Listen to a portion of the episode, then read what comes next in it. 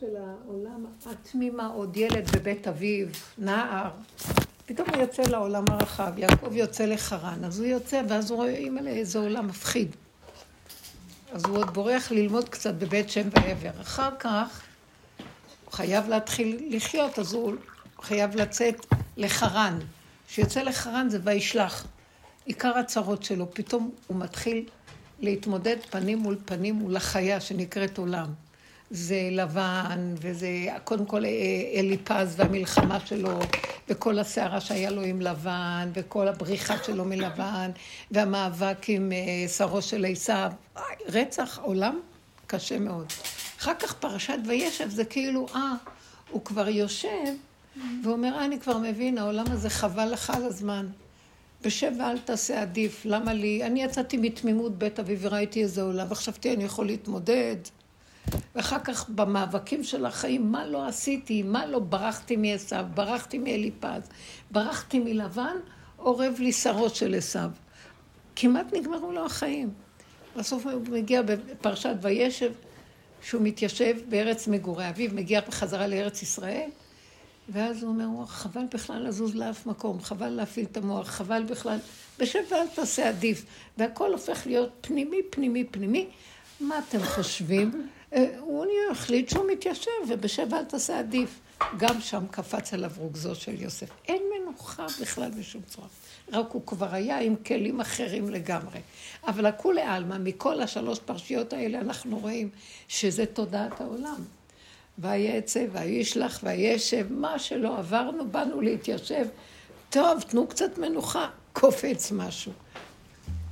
זאת אומרת, מה שרוצים להגיד לנו, שעד זיבולה בתרייתא, בתוך תודעת עץ הדת, עד סוף הדורות, זה נקרא, עד שהבן אדם מת. בזבל, הכוונה יושב, הוא... עד שהוא יושב שמה, אין לו מנוחה בעולם הזה. מה זה העולם הזה? תקשיב, העולם הזה, זה, אנחנו צריכים להגדיר, כל דבר מגדירים אותו אצלנו. אני חוזרת על זה המון פעמים, ואני עוד פעם חוזרת על זה. אה, יש, יש הבדלה בין הבריאה לתודעת העולם הזה. הבריאה היא מאוד יפה. ששת ימי הבריאה בראו בריאה מדהימה, יפהפייה, עם צורות וצבעים וריחות. ו... דבר דבור על אופניו. חן וחסד, ברכה ושמחה וחיות. כשהתודעה של עץ הדת עוד לא הייתה, לא אכלו מעץ הדת. ברגע ש... מה היה אז? בואו בוא קצת נתאר את זה, מה היה אז? הכל היה, השם שם את האדם הראשון. אה, גוף, שיעור קומה של מדרגת אדם שיש בו את כל העולמות, את כל הימים של הבריאה. יום ראשון זה, זה האור והחושך והתוהו ובוהו וכל מה שיש בעולם. יום שני זה השמיים והמלאכים וכל הבריאה, זה קיים בתוך האדם. זאת אומרת, זה שכלי נבדל עליון. אה, יום שלישי זה הצמחייה, וה... דרך אגב, ביום שני נברא הגיהנום. וגם יש את הגיהנום בתוך הבן אדם, כן? והגן עדן, במילא הם היו גרים בגן עדן. יום שלישי יש את הצמחייה והעצים, ויום רביעי יש את המאורות והשמיים, גרמי השמיים, כל כוכבי הלכת, כל זה יש בתוך האדם. שבע בלוטות שיושבות בתוך האדם, והן בלוטות שמפרישות אה, חומרים, והן משפיעים בעצם על הגוף, כן? אה, כמו שבע כוכבי הלכת. יש גם שלוש בלוטות, שיש שלוש כוכבים שבעין בלתי מזוינת לא ניתן לזהות אותם, שהם אה, פלוטו, אורנוס ונפטון. אבל יש שבע, שזה אה, צדק ומאדים וחמה, שזה כוכב, ולבנה, ויש את נוגה, ויש את... טוב, כל הכוכבים שיש, ויש את... מה יש עוד? יש עוד כוכבים, לא? צדק. שבתאי, יש גם שבתאי. בקיצור, כל הכוכבים האלה זה בלוטות בתוך מציאות הגוף. הן משפיעות על האדם. משפיעות, כוכבים משפיעים על הבלוטות, והבלוטות משפיעות על גוף האדם. הכל זה עולם, עולם עליון, כן, עולם עליון, עולם אה, תחתון. האדם יש בו את הכל. יום שישי נברא אדם שיש בו את הכל. הוא האחרון שבנבראים. בתוך האדם הזה שמו נשמה קדושה של אור, אור הגנוז, אור אינסוף. ומה היה החיים שלו בגן עדן, ולאן אנחנו שואפים בחזרה ככלות הכל, שנפרק את התודעה שמסתירה ומפריעה ואנחנו בגיהנום שלה. בואו נראה מה יהיה. האדם הראשון, שמו אותו לעובדה ולשומרה. הוא היה יושב בגן עדן, ושימו לב, מה זה לעובדה ולשומרה? אמרו חז"ל, אלו מצוות תעשה ולא תעשה. הוא לא היה, אבל לא היה אז קיום מצוות, כי לא היה צריך לצוות אותו. אה, כי הוא ראה שיש השם, והוא ראה את חוקות הבריאה ברורים, ברורים, והוא שמח, כמו שאמרו במעשה, שירד אה, במתן תורה, נעשה ונשמע. אין התנגדות, ברור מאליו. כל כך מושלמת הבריאה, איך נתנגד לה בכלל? אז הוא היה יושב על כיסאו כמו מלך, ואם הוא היה רעב, אז עצם הצורך שלו במשהו שנצרך לו, היה מביא את זה עד אליו. אותו חלק שהיה נצרך, המזון, או משהו היה צריך לתקן, היה צריך לבוא עד אליו. והוא על כיסאו, כשזה מגיע עד אליו, מתקן. זאת אומרת, תבינו, הוא לא צריך לרוץ אחרי המצוות והתיקונים ולפעול, ויש לו התנגדות, וזה יצר טוב, יצר רע ומאבקים, כלום. עד אליו הכל מגיע, הכל ממוקד, הכל מדויק, הכל ברור. הוא היה מסתכל, מביט במוח שלו, איך שהוא הסתכל על דבר, הוא ידע ראשיתו מאחריתו ואחריתו מראשיתו. הכל היה ממוקד בשמחה ובטוב לבב, השפע על ידו, לא חסר לו דבר, אין קנאה, אין שנאה, אף אחד לא טורף אף אחד. אף אחד בתודעה, היה כל כך דיוק שכל רגע ורגע ורגע והתחדשות, שאף אחד לא חשב לצבור שיהיה לו למחר או למחרתיים, כי הכל היה ברור שכל רגע יהיה לו מחדש הכל. אה, לא היה צריך להזדקק זה לזה, כי לא התאמצו בכלום, הכל הגיע עד אליהם. אז אם היה להם צורך, אז עד אליהם הכל הגיע, כמו שיש משהו פנימי שמשרת אותו, המלאכים שירתו אותם, שזה כוחות הבריאה בתוכם. הבלוטות הם המלאכים, שזה כל מיני כוחות שמהכוחות, מהבריאה למעלה, שירתו את האדם. כמו שה... בלוטות משרתות אותנו, אה, ש, שאדרנלין נותן לנו איזו צורה של חומרים שאנחנו צריכים להשתמש בהם, והפנקריאס והתיירואיד וכל מיני כאלה, לא יודע. והכליות, גם הכליות זה בלוטות. יועצות נותנות חוכמה. בקיצור, האדם היה רגוע והכל מגיע עד אליו, וכל כולו היה רק, אין, לא היה לו תחושת זמן ומקום, כי היה צמצום של התחדשות, רגע, רגע, רגע, רגע, והיה לו רגיעות, מלשון רגע. כשהוא היה קשור עם הרגע, אז יש רגיעות. לא היה לו את המוח של... לא היה לו בחירה? איך? בחירה לא היה לו? הבחירה שלו הייתה ברגע. כל היצורים וכל הנבראים, מרגע שהשם רצה לברוא את הבריאה, הוא שאל אותם מה הם רוצים.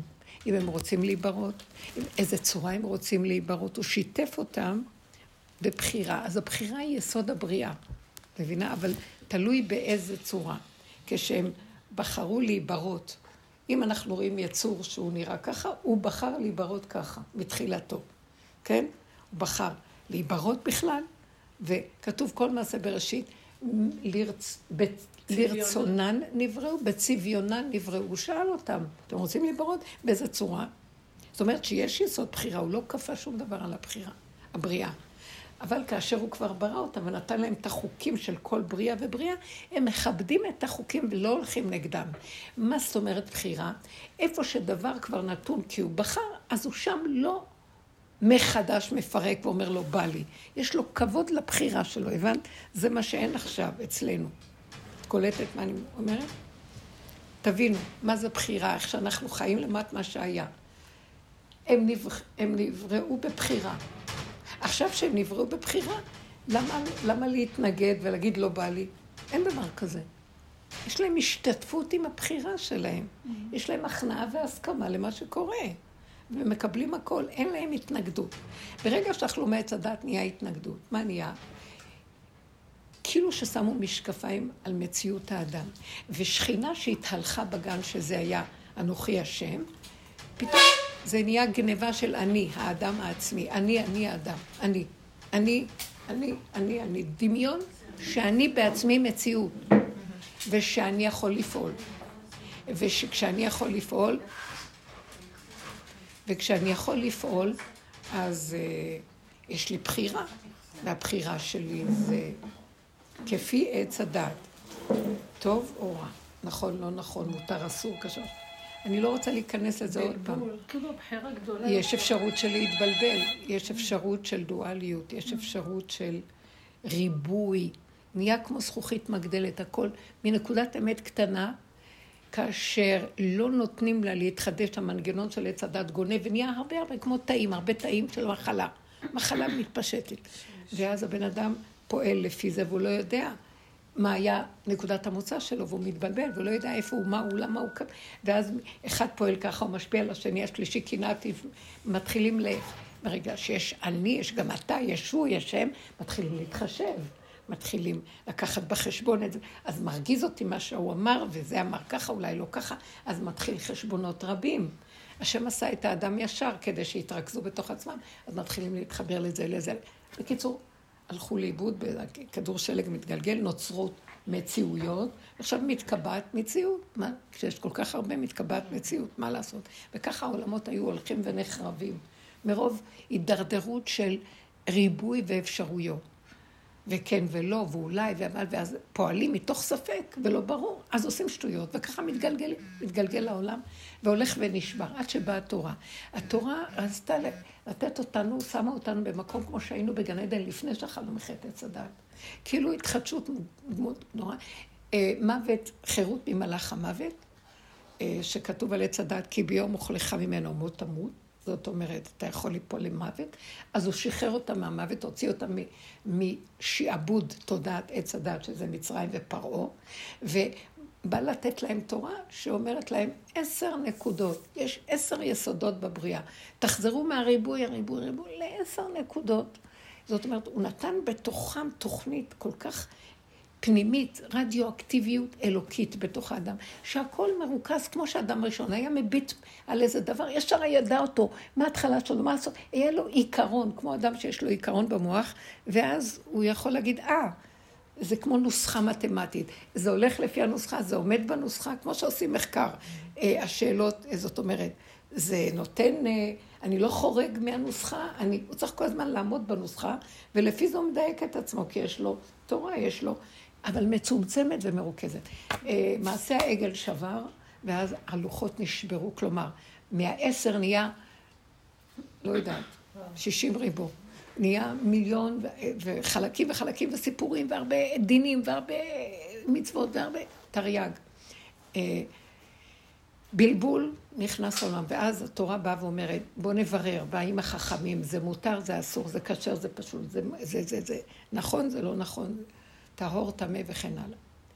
וגם כאשר הם מבררים ואומרים, הנה, זאת נקודת האמת, קחו אותה, והם חכמים, והם יש להם את הכלים איך, איך לעבוד, יש להם את הכללים, תורה למשה מסיני, זה כללים ברורים, אבל אחרי שהם בררו ונותנים לנו אחרי זה עוד פעם מתגלגל הבלגן, ועוד פעם נעלם מאיתנו מהנקודת האמת, וכל הזמן צריך לברר. ועוד אנחנו כל הזמן בסחחרה, שנראה לנו, הנה, מצאנו את הנקודה, ועוד פעם מתעלמת לנו, ועוד פעם אנחנו הולכים לאיבוד, ועוד פעם, ועוד משהו, ואז יש חשבונאות, ויש אינטרסים, יש גנבת דת, וחקיינות, ואנחנו הולכים לאיבוד, ועוד פעם, מצוקות, מצוקות, ובסוף, טוב, עושים תשובה, חוזרים, היי, איזה כיף, תודה רבה, אבא. לא עובר הרבה זמן, טח, נופלים עוד פעם, ועוד פעם משפיעים. ואנחנו כאן לכודים בתוכנית מזעזעת, שאנחנו פשוט, אה, אין לנו מוצא. יום אחד כזה, יום אחד כזה, רגע אחד ככה, יום זה כבר ארוך. לפעמים יש מה שנקרא פרק זמן. רגע זה עניין של פרק זמן, סיבה. ואחרי כמה זמן, היא תמיד תתהפך. מה שקהלת אומר, מעוות לא יכול לתקון, עת כזאת ועת כזאת, ועת כזאת ועת כזאת ועת כזאת. וגם הוא אומר שאם האדם שמח, הוא אומר, אז רגע, רגע.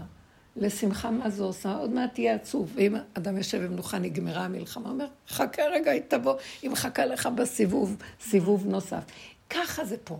גם החוק של עץ הדת, בגלל שהוא דואלי, כשאת טוב ורע, עץ הדת טוב ורע, אבל הטוב שהתורה אומרת לנו, אנחנו צדיקים, אבל ברגע שאנחנו רואים את השני רע, כי זה התוכנית פה, וגם התוכנית היא כל הזמן רואים חיצונית, זה לא תוכנית פנימית, היא חיצונית, אני רואה את זה, אני רואה את זה, אני רואה את זה, דבר והיפוכו, למעלה, למטה.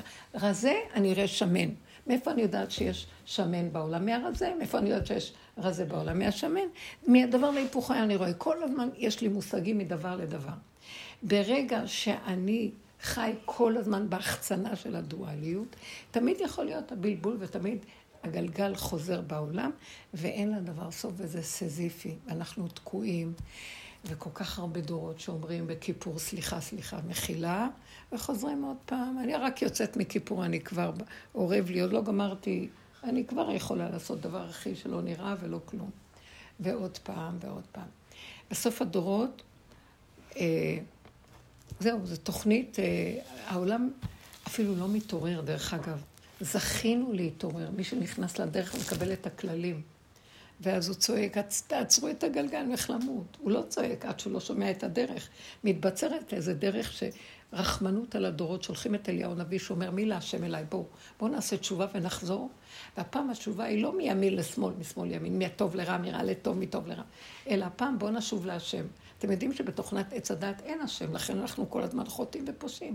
יש לנו ידיעה שיש השם, יש לנו חוקים טובים שלו, אבל אנחנו לא חיים איתו. אני חי עם האני העצמי שלי שעושה דברים טובים, וכל הזמן שוקל ומודד מי רע, מי טוב, מי צדיק ולא צדיק, וכל היום המבט שלי בחוץ. וזה כל הכאבים שלי, כשאני מוחצן החוצה, אז אני מזין את הבחוץ, הבחוץ יונק ממני, אני יונק ממנו, הוא יונק ממני. כשזה נופל זה קם, כשזה קם זה נופל, וככה התוכנית פה. חולי ותשישות ועייפות. כולם מוכים. עכשיו, מה יכולים לעשות? חושבים, בוא נתגרש. יש מישהו אחר יותר טוב. נופלים באותו פח עם השני או השלישי, זה לא משנה. אה, בוא לא נביא ילדים. יש להם ילדים מייללים, אין להם ילדים מייללים. מה שלא חשוב, כל הזמן אנחנו, מה שלא יהיה. הבן אדם נרגן ומר לו פה. כי יושב לו משהו שיונק ממנו ועוקץ אותו ומבלבל אותו, מסכסך אותו ומקוטט אותו עם החיים. זה מציאות של עץ הדעת פשוט. מוכר לכם איזה מקום? או שלא? אמרתי דברים אה, נוראים. עכשיו, אבל הדבר הנורא בכל זה שאנשים, אין להם מוצא, הם לא יודעים מה לעשות, הם גם לא חושבים... שיש משהו אחר. הם חושבים, כמו שהשאלה שלך, רגע, אבל אני רוצה, אז אומרים להם, תחיו כאן ועכשיו, ואל תשימו לב, כי זה כל הזמן המציאות של הכאבים של העולם קשה, אז תתמקדו ואל תשימו לב. אז הוא יכול לעשות את זה כמה דקות או שעה, ואז הוא אומר, רגע, אבל יש לי המון דברים לחשוב עליהם. ויש לי גם פה חברה ופה אח, ויש לי מחויבות לזה. אז מה, אני לא ארים ראש, אני לא אעשה כלום? מה הוא אומר בעצם? אני מוכן לתרגל אותה בתוך התודעה של הגיהנום, לעשות הפסקה. אבל אני בגיהנום, אני חייב, אני חייב לרוץ לזה, ויש לי חברה פה. זאת אומרת, אני חייב לפרנס את הגיהנום. מה אני אעשה במילים אחרות, הבנתם? יש מישהו שיקום ויגיד, כפרה על הגיהנום, לא רוצה להיות בו? אז, אז חושבים נמות. בא אליהו הנביא ואומר... בשבת יש קצת הפוגה מזה. איך, איך? נכון, נכון. המוח קצת עוצר. נכון. ואת כן חיה את הרגע. בשבת יש איזה אור... יש משהו שיורד, וקצת אפשר להבין שיש איזה מפלט בעולם הזה שהוא לא זה ולא זה. יש כזה דבר. קו האמצע של יום השביעי. נכון. וזה מה שאנחנו אומרים, זה יום של השם. ימים יוצרו, שישה ימים, ולא אחד בהם. יש לו אחד שהוא יום השביעי שזה שלו. שזה אנרגיה אלוקית שהיא לא מפה והיא לא משם. אנחנו תואמים מזה משהו, תלוי אם האדם בא מוכן. אם האדם מביא את כל העולם הבא הזה שלו אה, לעולם הבא, זה מה שיש לו, העולם הבא שלו, זה אוי לא מה זה, זה מה זה. אבל יש משהו בכל אופן שאנחנו תואמים בו. זה בדיוק הקו האמצעי הזה לקראת הסוף, שולח שליחים, ואומר בואו ניתן לכם אה, דרך להכין. כמו שביום שישי אנחנו אומרים, בואו, אה, יש מצווה והכינו את אשר יביאו. זה מצווה בפני עצמה, חוץ מהשבת עצמה, שמצווה לשבות, יש מצווה גם להכין את השבת. אז זה הדרך שקיבלנו, אנחנו קוראים לה הדרך. בואו נכין את, ה, אה, את המהלך החדש לצאת, לצאת מהתודעה הזאת. מה, נמות? לא. תמיתו את הדמיון, אתם יודעים שאתם תחת דמיון? מה, איזה דמיון? את חושבת שאת קיימת, אני חושבת שאני. מי זה אני? מי שיכול להסביר לי מי זה אני? אני אגיד לכם, זה כל כך חיצוני. האני הוא לא דבר שאפשר להסביר אותו. אין אני. יש מהות לאדם, אסנס, מהות, שהוא מהות, המילה, זה מושג, זה מהות בלתי מושגת. זה, זה, אני לא יודע מה זה. אבל אני, בעץ הדת, אומר, זה אני. מי זה אני? קוראים לי ככה וככה. אני באתי מהמשפחה הזאת, אני גרה פה, יש לי בעל, יש לי ילדים, אני בחברה הזאת, אני יודע להגדיר את עצמי לפי ספריית הערכים, אז אני יודע מי אני. האם זה אני? לא. אף פעם אנחנו לא יודעים מי זה אני הזה, כי אין דבר כזה, כי זה דמיון. אז מה כן יש? מהות פשוטה, שיש משהו שמחיה אותה כל הזמן, כמו תינוק חדש. תינוק, ילד קטן. הוא לא יודע מי הוא, מי זה האני שלו, אבל יש לו חיות והיא מתחדשת לו. והוא לא יושב וחושב, אני אמרתי ככה, למה הוא אמר לי, לא אמר לי. הוא פועל לפי החושים והאינסטינקטים שהם קרובים לבשרו ולמה שהוא באמת. הוא אמיתי מה שהוא באמת. אין לו את התודעה של דעת של עץ הדעת של העולם. אז, אז הילד הזה, אפילו שיש לו כאבים, הוא נופל וזה, כי חי בעולם שהוא מלא סתירות, שכבר הכדור שלג, הוא נתקל בו, אז הוא מקבל ממנו מכה, אבל הוא לרגע חוזר מיד, הוא חוזר. וכשהוא, אל תבואי מאוחר יותר. וכשהוא חוזר, וכשהוא חוזר, אז... אה,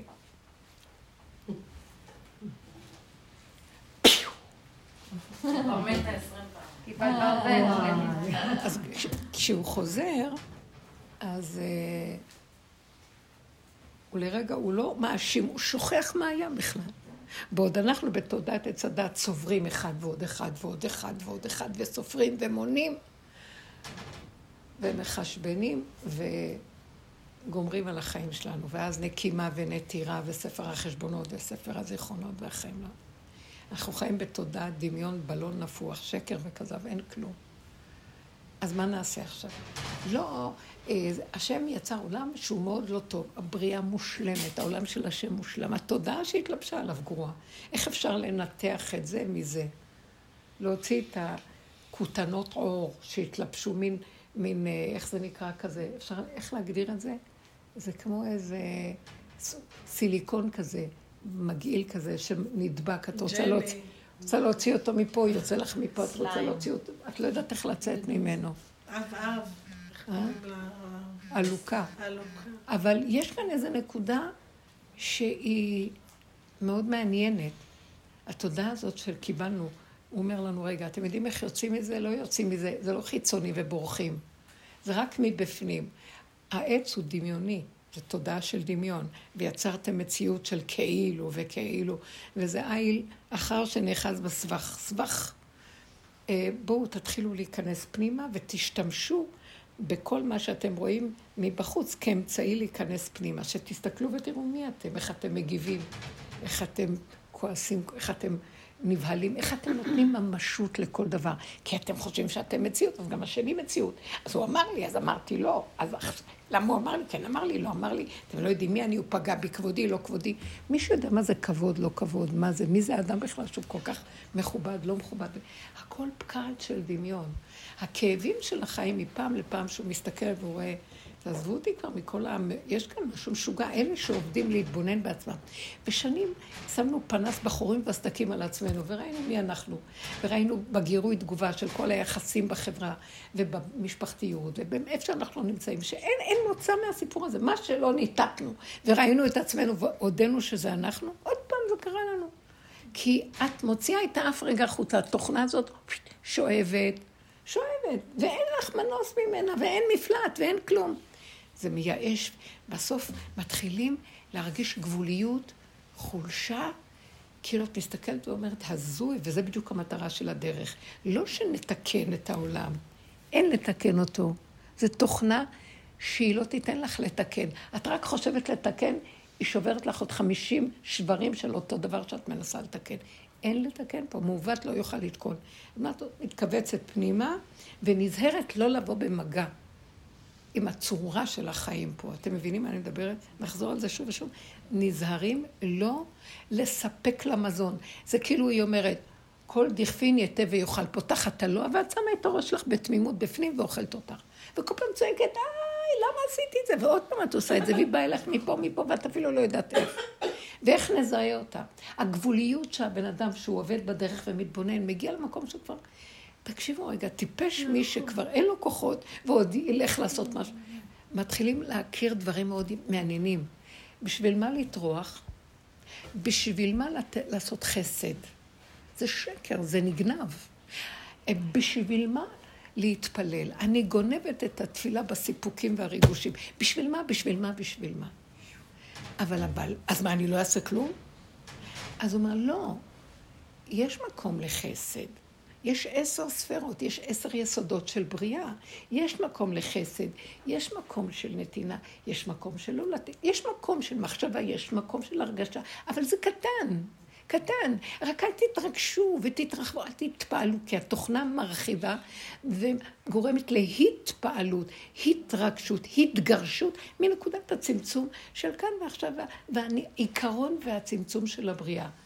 אנחנו אוכלים יותר מדי, יודעים יותר מדי, מבינים יותר מדי, מרגישים יותר מדי, משכילים יותר מדי, יוצרים יותר. אנחנו כבר מכונה מקולקלת שלא יכולה לעצור.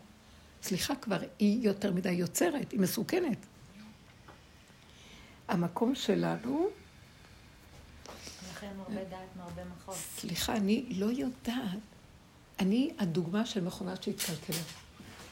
אני לא מפסיקה לדבר. אתם לא רואים? אבל לפחות אני יודעת ואני צוחקת. הוא אומר לי, זה מה שצריך פה, להשתמש בזה עד שתשחקו את עצמכם. תשחקו מלשון שוחק מן לצדיקים. שוחקים אתכם. מה שנשאר מכם, אתם אוכל של השם. הוא רוצה את השחוק והדק והטחון בשלוש עשרה נפות. תקטשו את כל הזוועה שיש לכם במוח, שהיא דמיון אחד גדול.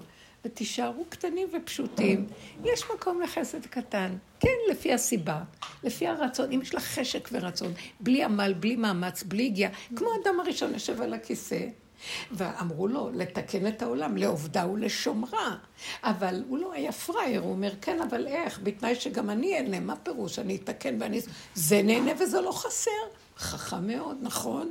ככה הוא ברא את האלום. להנות את כולם מטובו. אתה קיבלת דרגה כזאת של אדם מושלם, שמזהה את כל החלקים שבאים אליו, כי יש לו את כל החלקים בתוכו. הוא, הוא היה בצלם אלוקים מושלם מכל החלקים, וגם יש לו דעת אלוקית גבוהה מאוד, שהשם נטע בו נשמה קדושה מאוד. ואז כל מה שהיה בא אליו, הוא היה רואה ומזהה.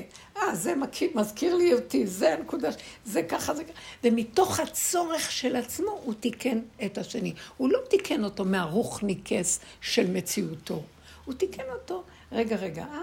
אני, אני לא מוכן, למה שאני אתן לשני ואני חסר? אני לא מתנדב אה, למסור את נפשי על אף אחד. מוסר נפשו, טורף חייו וכפו. מי שמוסר את נפשו, מתחייב בנפשו. זה נהנה וזה לא חסר. תחזרו למקום הזה. אז אותו דבר, כן עושים חסד, אבל ברמה... אם אני אעשה חסד ויציקו לי וירגיזו אותי, אני אומרת לעצמי, למה, למה טרחת כל כך הרבה בשביל מי שמרגיז אותך? את אשמה, למה טרחת? ואם את טורחת, את נהנית לטורח, את נהנית? זה לא טרחה, את נהנית. כיף לבשל. למה את... לא, אני מבשלת בשבילהם, יש לי מלא אנשים שבאים. לא, את מבשלת כי את נהנית. אה, אני הולכת לעבוד קשה ולהביא פרנסה ולתת לכם, וזה מה שאני מקבלת מכם. לא, את הולכת להתפרנס כי זה מעניין. משעמם לך להיות בבית, אז כיף לך לצאת לעשות מה שתלכי למשהו שאת אוהבת לעשות, ותעבדי קצת. אני עובדת מאוד קשה, הגיע כפיים לפרנס את הבית. לא. בראתי עולם מלא שפע והכל עד אליך מגיע בכבוד. למה אתה מפחד שלא יהיה לך? אם הרגע אתה צריך משהו, אם אתה לא תקמץ ותלך ותוציא כי אתה צריך, תלך תקנה הרגע. אבל מה יישאר לי מחר? אין מחר, יש רגע. אל תפחד, יבוא עוד. לא, אתה יודע מה, ואם אני הולך לקנות, מה אני אקנה כבר למחרתיים, אני אשים במחסן. אין דבר כזה. כל רגע וכיכרו בידו. תודעה של רגיעות, שלווה, אמונה פשוטה בקיום, שיש כאן חי וקיים, וחוק מדהים שמספק כל מה שצריך, כל רגע מחדש בטובו. מעשה בראשית. אז אנחנו לאט לאט מתחילים להבין שכל התודעה הזאת של הצבירה והחרדה, וזה מה... מהחשבונאות של ריבוי, אחד ועוד אחד ועוד אחד, ומה יעלה ולא יהיה מחר, וסוף את צריכה לחתן, את צריכה לשמור, אני צריכה... לא, תהני מהחיים, תחי הרגע, וכל רגע יביאו לך מה שאת צריכה מחדש. וזה יסוד האמונה של הקיום פה. אבל אנחנו צריכים להתמעט ולהתקטן ולהתחיל למשוך את הכוחות שלנו מהעולם של החשבונאות והגניבה, ושודדים אותנו, והמצוקות והצער, ואנחנו משתעבדים לתוכנית משוגעת, שהיא גם יונקת מאיתנו, כי למה שלא תשעבד אותנו? כי היא רוצה שנשאר משועבדים, כי היא חיה ויונקת מזה. ואנחנו צריכים לאסוף את החלקים ולצאת מהסיפור. הדרך של רב אושר, הדרך הזאת, מבית מדרשו של אליהו הנביא, שיבוא להשיב אותנו עד השם, עד השכינה שנמצאת מאחורינו, שהיא שכינה בגלות, שיושבת בבשרנו למטה, ואנחנו דורכים עליה כל הדורות ועפים בשמיים, ועפים עם המוח. הוא רוצה שנשיב את המוח, נשיב את המחשבות, נשיב את הכל, ונתחיל לחיות כמו ילדים קטנים, ש... שעונים וגמולים על השם, באמונה פשוטה ובבטחה. זה מילים מאוד יפות. איך מגיעים לזה? אחרי שאנחנו הולכים צעד צעד אחורה, מתחילים לגוע בתשישות, ומתחילים רק לראות גם שזה לא נגמר שם. אז הוא אומר, טוב, טוב, טוב, אני מתחיל לשים לב לתשישות ולגבוליות שלי, ואני מכבד את הגבוליות, ואני מסכים להקשיב לגבוליות. ואם אני רואה שיש לי מצוקה, סימן שיצאתי מהגבוליות. הגבוליות מוליכה אותי. בגבוליות יושבת שכינה. ואז כשאני גבולי ואני מכבד את הגבול, אני מקים אותה. היא קטנה, גבולית, מבחינה של רחל, קטנה, גבולית, כאן ו... ועכשיו, וכשאני נמצא במקום הזה ואני לא זז משם, השפע שלה מתחיל לזוז, היא מתחילה לקום. היא נקודה קטנה שאין לה, ביסוד האלוקי הנקודה הקטנה היא מסה אנרגטית שהיא לא נמדדת כמו שאנחנו מודדים קטן גדול בעולם. זה התחלת הגאולה הפרטית. על זה אחר כך ירד אור גנוז אחר עוד. אבל בואו נקים את הכלים. בואו נפרק את התודעה שמפריעה בכלל להיות שפוי, לחזור למדרגת האדם. מה זה מדרגת האדם? שהוא בעצם יצור בצלם אלוקים מושלם, שמרוב שהוא גנב את המציאות של העולם בעץ הדת, הוא שכח את זה, ואז הוא כל הזמן נזקק לחברים, נזקק במעשיות, גם בפסיכולוגיה. אם אני לא אחנחן, לא יאהבו אותי. אם אני לא אתחנף, לא ייתנו לי. אם אני לא אעבוד קשה, לא יהיה לי. אם אני לא אעשה מה שהבוס רוצה ממני, אז הוא חשבונאות, כן? והתרחקנו מנקודת האמת הפשוטה. אין שני ואין שלישי, אין עוד מלבדו. תלכי לעשות דברים, זה טוב, את בעולם תעשי, אבל בקטן, כאשר את לא שוכחת שקודם כל את, ושזה יהיה אה, מדויק לך, זה עבודה שהיא לוקחת זמן. כי בתוך כל העבודות יש עוד מה לנפות. ואני רואה עוד פעם את החרדה וההתחשבות. אני לא רוצה שיראו אותי, כי אני מפחד שיתפסו אותי. כי... אתם מבינים מה אני אומרת? מי שהולך הנקודה שלו באמת ולא רואה את השני בכלל, אף אחד לא יראה אותו, הוא הרואה ואינו נראה. אבל אנחנו צריכים לעבוד ברמה הזאת כבר, זו דרגה יותר פנימית של עבודה. מה שאת שאלת, השאלה שלך היא נמצאת עוד פה בעולם, וכאילו בתוך העולם יש מה שנקרא אה, כל מיני שיטות של מודעות. וזה נקרא כל מיני שטויות, שיטות מלשון שטות. אז זה בתוך, למה? כי זה בתוך עץ הדעת. מדמנו לאדם שיש לו איזה ישוע מזה שאם יהיה לו איזה תודעה של מודעות עצמית, וזהו, הוא כבר מתחיל, הוא יודע לעבוד על כאן ועכשיו. יש מושגים כאלה בעולם. הוא יודע אה, אה, להגיד, אני מרכז העולם. הוא יודע, אבל ישר הוא גונב את זה בצורות שונות. כי הוא צריך, יחכה לו עוד רגע משהו אחר. הוא צריך באמת להגיע אחורה רחוק מהמציאות של העולם. זאת אומרת, אדם כזה, בואו ניקח את השאלה שלך שאת שאלת, אבל מה אם החברה שלי, או מה אם את שאלת על מישהו נוסף? אין שאלה כזאת לאדם כזה. גם שבא לו השאלה, מה אם השני, הילד שלי, אז הוא אומר, בסדר, תעשה את הפעולה שלך, אבל למה אתה דואג? למה אתה מתרגש? למה אתה מבוהל? זה לא שלך, זה שלו. אתה רק פועל ועושה. תגידי עוד פעם את השאלה. את זוכרת אותה? אני זוכרת שאת אמרת. אני כאן ועכשיו, כן, אני עובדת על זה. אבל תראי, בכל אופן, יש לי זה, ויש לי זה, ויש לי זה, ויש, ויש זה, ויש זה, וצריך להתחשב בכל מה שיש. אז זה איך שמתלבש לו השטן. הוא אומר, קחו מודעות עצמית, חבר'ה, מודעות, תתעוררו, תהיו בעלי מודעות, אבל הוא גונב אותך בתוך האני העצמי שלך. פעם, אה, פעם הגיעה אליי איזה מישהי שאמרה שהייתה באיזה קבוצה של מודעות שקראו לה אמן, אימן, אימן, אמן, משהו כזה, אימן. ואז היא אומרת שהיא נורא שמעה עליהם וזה, ואז היא הלכה אליהם מפגש באיזה מלון, ואז היא הלכה, אז היא אומרת, עכשיו אני נכנסת לשם, דיברו על מודעות עצמית וידיעה של אני עצמי אמיתי. ואז היא אומרת, כל אחד, איך שבאתי, פתח עליי כאלה עיניים. אני מודע יותר, כל אחד רק השוויץ בכמה הוא מודע יותר מהשני. היא אומרת, העיניים שלהם היו מפחידות, הן מאוד חדות עליך ומודדות אותך, כי אתה לא כמו שאני, אני יותר מודע.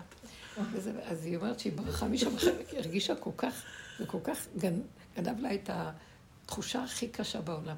אז בלי, בלי משים זה גונב מאוד, זה... העוצמה של האדם, נהיה לי עוצמה כי אני שולט בכאן ועכשיו. בעוד הדרך שאליהו הנביא מביא לנו, רב אושר, מה שלא נעשה, תישארו תמיד בשלילה. תשללו את האפשרות שאתם יכולים אה, להצליח. אי אפשר. אי אפשר להצליח את התודעה הזאת. אנחנו ננצח ביחד, כן? כולם צועקים.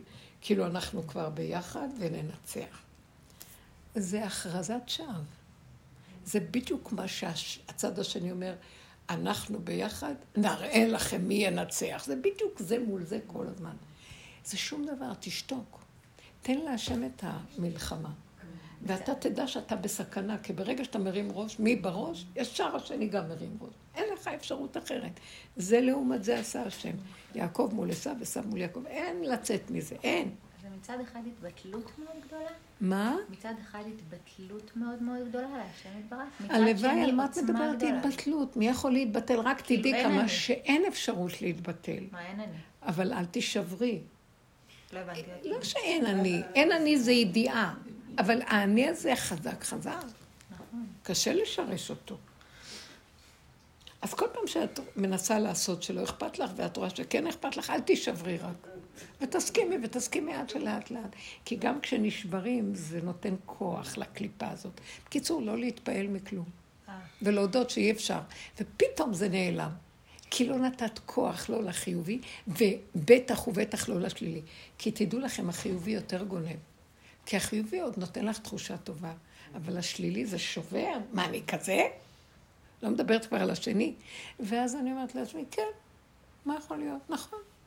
יותר גרוע ממה שאת חושבת אפילו. אני מסכים להכל. ההסכמה הזאת היא, הוא לא יכול לסבול את זה, כי הוא רוצה שתתנגדי לו ותילחמי איתו, ואז הוא מקבל כוח מזה. לא, את מסכימה, נכנעת. את לא נכנעת לו. לא. את נכנעת למציאות שככה זה החוק פה, ואי אפשר לצאת מזה. אז את צוחקת. את רק ככה יוצאים מפה. אי אפשר לצאת מפה עם רצינות ועם אה, כאבים. טיפש מי שיוצא מפה כאוב גם. קדחת. אני לא מפרגנת לו לצאת. תהנו, תשמחו, תודו. ובדלת אמות קטנים, ולהגיד, כי אני באתי להיות ילדה קטנה של השם, וזהו, זה לא יותר מזה. ואם הוא דפק לי זוגיות או ילדים או הכל, זה שלו, לא שלי. אני נותנת מה שאני יכולה. למה, מה, לא? גנבו אותנו פה, אנחנו גנובים עם הסיפור פה של העולם. איזה סיפור מזעזע. מה, את עוד רוצה להתחתן? אני מרשה לך להתחתן רק אם את אה, מקבלת דיפלומה של... גם כשאת מתחתנת, תישארי רווקה. תישארי עם, עם הנקודה של האמת עם עצמך. זה לא שאת לא מתחברת, זה את מתחברת לרגע, אבל המוח רוצה זוגיות, חברתיות, קהילתיות, משפחתיות, אין דבר כזה. זה נוסחה בדוקה להתמוטטות. אין דבר כזה. אז מה יש? אה? יש את עם עצמך, ושיש לך מישהו גם בשביל מבנה חיצוני. כמו שיש גוף, צריך להכיל אותו. יש מבנה חיצוני, אבל בנפש תמיד אני עץ בודד בשדה. וכשאני מסכים, אני לא בודד. במילה בדד יש ב' שזה שתיים, ד' ארבע פעמים אחד, שזה שתיים בריבוע. תמיד השם איתך, ולא חסר לך. מה? אם הוא גונב אותך, מי זה הוא? הבן זוג. גם את גונבת אותו כל הזמן, מה חשבת? אין כזה דבר שהשני יגנוב ואני לא גונבת. אז מה הסיפור פה? הגנב מהגונב, מה גנב פטור. בהגנוב. גונבים. אז מה צריך לעשות? לצחוק. ולא לחשבן, ולא להתקוטט, ולא לריב, ולהבין שככה זה החוק פה. אז נהיים חברים. פתאום גם הוא מבין, בוא נצחק. אנחנו רציניים נורא. השם חשב שבאמת... בקול רם, אולי אני צריכה לשים משקפיים כי אני לא שומעת. בואי, בואי לפה. בואי לכיסא פה. חידה בכיסא פה. תראה אותך.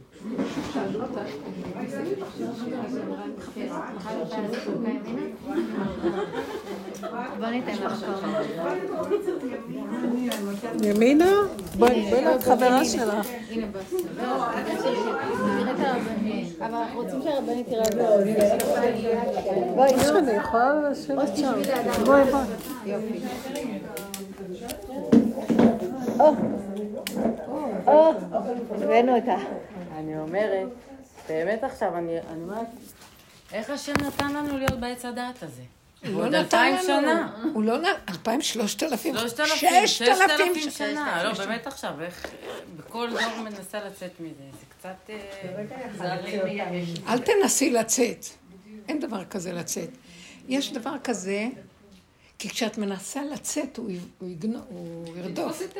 אל תצאי, תישארי אפשר, תצאי מלמטה. אתם מכירים את זה? כן.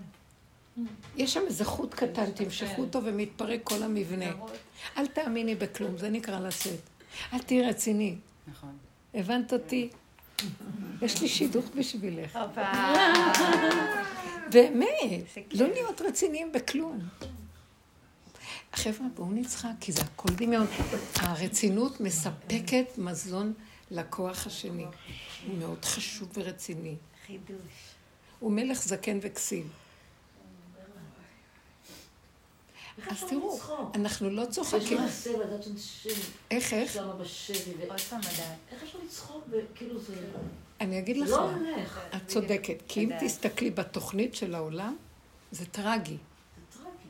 אבל אם אני, אם אני יאמין לתוכנית ואני אהיה כאן, אני, אני לא אוכל להחזיק מעמד. ואז, ואז אה, בקלות שאנחנו נצא מהעולם. נכון. ואז, כשיצאנו מהעולם, אה, יעמוד שם השליח של השם ויגיד, מה?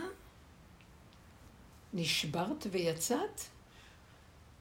אה, קודם כל בצד שמאל חוטפים כמה מכות, אחר כך נכנסים לטבול בנהר דינור והגיהנום, נכון. לפרק את כל... למה ברחת? למה האמנת? אני שלחתי אתכם לפה שתסתכלו על כל זה ואל תאמינו לשום דבר, ורק תישארו איתי צמודים, ואני אכנס ואני אעזור למה שקורה פה, אבל אתם לא ממליכים אותי אף פעם, כי אתם לוקחים נורא ברצינות ומרוב, או שאתם מתערבבים בהוללות ובחנגאה, או שאתם אה, צדיקים שקלטה נפשם להשם. אה. הוא אומר, מה יש לי ממך שאתה יוצא מהעולם? יש לי מלאכים בשמיים בלי סוף, ומלא נשמות אני עשיתי. אני שמתי אותך בעולם שלא תישבר ולא תגנוב, ותצא, תכיר את עלילת הדברים והמזימה, ותצא, ותזמין אותי להתגלות פה, לסדר קצת את העולם. אתה הכלי שלי, כי אם אתה לא תסדר, איך אני אגיע לפה? אני יכול להגיע, אני אחריב את כל העולם. פצצת אטום. אבל אם אתם רוצים שאני אתגלה, אתם, אני צריך כלים, אני צריך אתכם בעולם. אנחנו נשברים. לא להישבר. הבנתם מה אני אומרת? פשוט לצחוק. עכשיו, אה, איפה הייתה השאלה? את שאלת? מה? כאילו, אה, את שאלת. כאילו, אני אגיד לך את האמת, תזהרי זוזי הצידה. זוזי הצידה. כי אני אגיד לך למה. ברגע שאני זזה, זה נראה אכזרי, מנותק, לא אכפת לך מכלל ישראל? בטח שאכפת לי. מי מקשיב לי שאני אומרת להם, אתם עושים טעות, ככה לא הולכים, תקשיבו לי, זה נשמות. תקשיבו, אתם תיתנו את הדין על זה, למה נשמות כאלה צעירות הולכות? אתם לא תעשו ככה, יש דרך אחרת. בואו תקשיב, מישהו מקשיב לך? אז אני רואה דבר כזה. לדבר לכולם אני לא יכולה, אני אעבוד ככה כאילו אני עובדת בשביל הכלל במפקדה שלי, ואחד כזה, נר אחד, נר למאה, עושה הרבה. ואז אני עובדת בשקט ואומרת לו, אבא, תרחם על העם שלך. אני כבר אין לי כוח לרחם גם, כי אין לי כבר כוח, אני אדם קטן ואין לי כלים. אה, אתה נותן נשמה שאכפת לה, אבל אם אכפת לה, גם תיתן לה כלים לשרוד עם האכפתיות, כי אתה נותן לה שהיא אכפת לה והיא הולכת לגמור על עצמה שאכפת לה, זה לא פייר. זה לא יפה לעשות לי את זה. למה אני צריכה להיות, אתה מבין? אתה לא מחפש קורבנות שווא, אתה רוצה עוד קורבנות? זה מלכודת מאוד גדולה. המציאות היא בעצם זה מלכודת נוראית פה, ומי יגלה את המזימה המאוד נעלמה? ויגיד לו, תעצור, זה פורים. אחרי כיפורים יש פורים. עכשיו הזמן להביא את פורים. גמרנו. אני אומרת לכם, כל כך הרבה עבודות נעשו כאן של כיפורים, עכשיו צריך להביא את הפורים. באמת, עכשיו מחלקים בקבוקי יין. באמת, חבל על הזמן. מה הכוונה שלי? עכשיו את אומרת, זה נשמע נורא. אני אומרת לו, ריבונו של עולם, אני לא יכולה להכיל את זה, גדול עליי. אז זה כמו ילד קטן. יש דין על ילד קטן שלא יכול להכיל. מסרתי לו את הבחירה שלי, כי, כי אני מכירה את הגבוליות שלי, ואני אומרת לו, אני לא רוצה להתערבב עם התוכנית. כי התוכנית הזאת היא מסוכנת. היא, היא אנשים שמתוך תרדמת של אגו וישות, עושים החלטות שגובים חיי אדם. אני לא יכולה להכיל את זה. אז איפה אתה בורא עולם? כשאני אומרת לא את האמת, אומרת לו, זה גדול עלינו כאן. אז אתם יודעים, אני הרבה פעמים כאילו מקבלת מין תשובות כאלה, אני יודע מה אני עושה. תנו לי כלים, אני אגיע. אבל אני גם משתמש בהם כדי לסדר את עולמי. קוצים אני מכלה מן הכרם. אי אפשר להסביר את הדבר הזה, בגלל שהעולם הזה הוא כהרף עין. נכון. יכול להיות שהנשמות האלה, שהן ממשיכות בעולם ואין להן תכלית ואין להן כלום, הם זוכים כמו אלה שהלכו בטבח הנורא.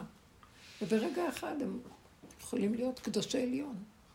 ומה היו יושבים פה ועושים? הולכים לעוד כזה חינגה ועוד כזה הוללות ועוד כזה, לא יודעת מה, אני לא מדברת. כואב לי על החיילים האלה. אני לא יכולה להכיל את זה, את עוד יכולה להכיל. אני לא יכולה, אני מעבירה אליו ואומרת לו, זה גדול עליי, אני לא יכולה. תראה מה לעשות בעולמך. זה העולם. קודם כל, אי אפשר לעזור בעולם עם תודעת העולם. צריך לצאת מהתודעה, ואז אתה נותן כוח ממך לעזור לעולם. עכשיו, איך אני אעזור לעולם? זה בחינה יסוד משיח. יש משיח הפרט בכל אחד. שאני במקום הזה, אני לא חייבת לרוץ, שיכירו אותי ולהגיד להם מה. מילה שלי פה קובעת בעולם. תנועה שאני עושה, עושה פעולה. אתם לא מבינים כמה שהפרט, כשהוא עובד נכון, הוא משפיע על הכלל. ויש כאן, בטח, יש כאן משהו שממש פועל לפי הקבוצות האלה, שהם נותנים להשם מקום, וגם הדיבור שלהם, זה לא שלי, זה הוא מדבר, זה הוא אומר מה. ומה זאת אומרת, הוא אומר, וגם זה נהיה מה שהוא אומר. כמו שאמר רבי שמעון, שהחברים ישבו ביחד, החבריה של רבי שמעון. ואז הם הגיעו לפסוק, נעשה אדם בצלמנו כדמותנו. כן, כתוב בלשון רבים, שהשם אומר, נעשה אדם. ויאמר אלוקים, נעשה אדם. מה זה נעשה? מה אתה שתיים, אתה שלוש? הלוא השם אחד ושמו אחד. מה פירוש שזה נעשה מלשון רבים? אז חז"ל אומרים, זה השם מתייעץ עם בית דינו. אבל רבי שמעון אמר להם, שהם שאלו את השאלה, מה משמע נעשה? אז הוא אמר להם, תשמעו את התשובה, ישמעו אוזניכם מה שפיכם מדבר. אז הם חשבו שהוא לא שמע מה הם שאלו, כי זה, הוא נתן תשובה לא לעניין. אז חזר ואמר, ישמעו פיכם מה שאוזניכם, ישמעו אוזניכם מה שפיכם מדבר. ואז הם כתוב שהוא אומר להם שהשם דיבר, כשהוא דיבר הוא השמיע לאוזניים שלו את מה שהוא אומר, ואז זה הגיע לתודעתו, ואז זה נהיה. הוא אמר ויהי. הוא שיתף את כל החלקים שלו. אבל השם אין לו אוזניים, אין לו, אבל זה כביכול עולמות שלו. יש עולם שנקרא אוזן, כמו בלוטות, יש תפקידים. יש עולם שנקרא יש עולמות, והוא שיתף את עולמו והתייעץ איתם בקול רם. הוא דיבר ושמע, ואז הוא ידע, כאילו, הוא ידע גם קודם, אבל הוא רצה שיתוף עם כל החלקים שהוא ברא בבריאה. תעשי את גם אותו דבר. כשאנחנו ריקים, ואנחנו אומרים איזה דבר, ריבונו של עולם, אפשר ככה להמשיך לחיות. תראה מה קורה פה. לא חבל על הכ... אני, אני רואה, אני רואה שכל ההנהגה פה היא הנהגה, פתאום אתם, אתם יודעים, כבר מזמן אנחנו רואים שיש כאן הרבה וירטואליות, מה שקורה במדינה וזה. נראה מוזר פה, אתה כבר לא יודע מה האמת, לא, אין אמת כאן בכלל. זה אנשים שכל מיני אינטרסים וכל מיני גחמות וחשבונאות וישויות וגאווה וגדלות ו... יודעת, כבר אני לא דנה ולא כלום, אבל אני בייאוש, האזרח בייאוש, הוא לא יודע מה. פתאום מה שקרה, גם בקורונה ראינו את זה, פתאום הזדעזע וכל העולם התגלה במערומיו. איפה כל גדולי עולם, איפה כל המנהלים של העולם וראשי ממשל, כולם פחדו מהקורונה, כולם לא ידעו מה לעשות, כולל אנשים שמקצוענים ברפואה וכל מיני יודעי דבר, אף אחד לא ידע כלום, כולל גם רבנים, שכולם היו באמת... אין חזון במקום הזה, אז מה כן? אף אחד. פתאום מתגלה האמת לאמיתה, שאנחנו בדעת יודעים, אבל במציאות שבא ניסיון, אין לנו השם באמת. לא נביא ולא בן נביא, ולא חכם ארזים, ולא שום דבר שיכול היה להגיד, אולי נשמע איזה דבר חדש כאן, שיראו איזה מעשה פלא, איזה נס שקורה פה. אף אחד לא מצליח להוריד כלום. ואז פעימות, זה הלך, והפעימה הזאת. היינו בזעזוע בשבוע הראשון, בשבוע השני היינו בזעזוע. מה קרה פה? איפה ההנהגה המדינית? איפה הצבא היה? מה קרה בכל מה שקרה? לא. לא, אחרי כמה זמן כאילו, אה, לא קרה כלום, אנחנו, לא, אנחנו בשליטה, תקשיבו, נראה להם, ננצח ולא ננצח. כן, אני לא באה לדון ולא לשפוט, אבל טיפש מי שלא ראה, יש חלונות הזדמנויות שנפתחות ורואים. אחר כך זה מתכסה שוב, לא נכון. לשכוח. זכור את אשר עשה לך עמלק. לא לשכוח, שוכחים, כי זה טבע עץ הדת. ואז מה? לא שאני באה עכשיו לכעוס עליהם, פתאום אני רואה על מה, על מה את סומכת, זה לא פתאום, אבל אלה שעובדים, ראינו את זה מזמן. אין על מה לסמוך מזמן. אבל בכל אופן העולם צריך היה להתעורר, כאילו, איך הכל עוד פעם הולך לתרדמת, ועוד פעם חוזר, חוזר על מן העולם כמנהגו נוהג, וכל הסיפור הזה. אז תקשיבו רגע, אתם לא רואים מי כאן בעצם מנהל? אני לא רוצה לדבר. אני לא רוצה לדבר. זה מאוד אכזרי כדי להציל מה ששם לא כל כך ברור שאפשר להציל, להרוג חיי אדם, הרבה חיילים צעירים שימותו. אני לא מבינה, אני לא הייתי רואה שזה היה צריך להיות הכיוון. אני לדעתי, וזה לא רק לדעתי, וזה ברור ממה ששומעים גם, שבאמת הרבה מהחטופים כבר מתים. אני גם חושבת. לא, יש ידיעות כאלה שבאות. אה, וגם אם הם יצאו משם, לא יודעת אם לא יצאו משוגעים, לא יודעת מה, הם לא ירצו להתאבד ואני לא יודעת כלום. אני לא, אני לא מבינה, אני לא אומרת. אני לא אומרת, זה אכזרי, אני לא נותנת מה לעשות פה. אני רק רואה את הקוצר רוח והקוצר אה, דעת של בשר ודם. ואז אני אומרת, אולי, ריבונו של עולם, יש איזה נתיב חדש בחשיבה מכיוון אחר, שלא נמצאת בעולם, שיכולה כאן להושיע אותנו. אנחנו תקועים, תקועים, תקועים, מוכי סנוורים, אנחנו במדבר טועים ולא יודעים מה לעשות. את זה הוא רוצה, את הקריאה הזאת. תרחם ותתגלה. אז זה כמו שאני עובדת בנקודה שלי הפרטית ואומרת, אין לי כוח להתקוטט, לא יודעת מה לעשות. אין לי כוח לענות לזה, כי אני לא סומכת על עצמי, אני אכנס עוד פעם ונריב ונתווכח. אין לי כוח לצעוק על הילד, למה הוא לא קם, כן קם. כי קצ... אני גבולית, אני לא יכולה. איפה אתה, השם, תעזור לי, נתת לי ילד, תקום לעזור לי. אני חיה איתו מהגבול שלי ומכריחה אותו להתגלות. אותו כוח שאני עובדת בפרט שלי, זה אותו כוח גם בכלליות. יש לך כוח לתקן את מה שאת רואה, שאת כל כך כאובה מזה? אז יש לך כאב שהוא כמו כאב מזוכיסטי, אתם מכירים את זה? שאנחנו מלאי כאבים על משהו קורה, אבל אה, אני לא יכולה להועיל לא כלום. אז למה אני כאוב?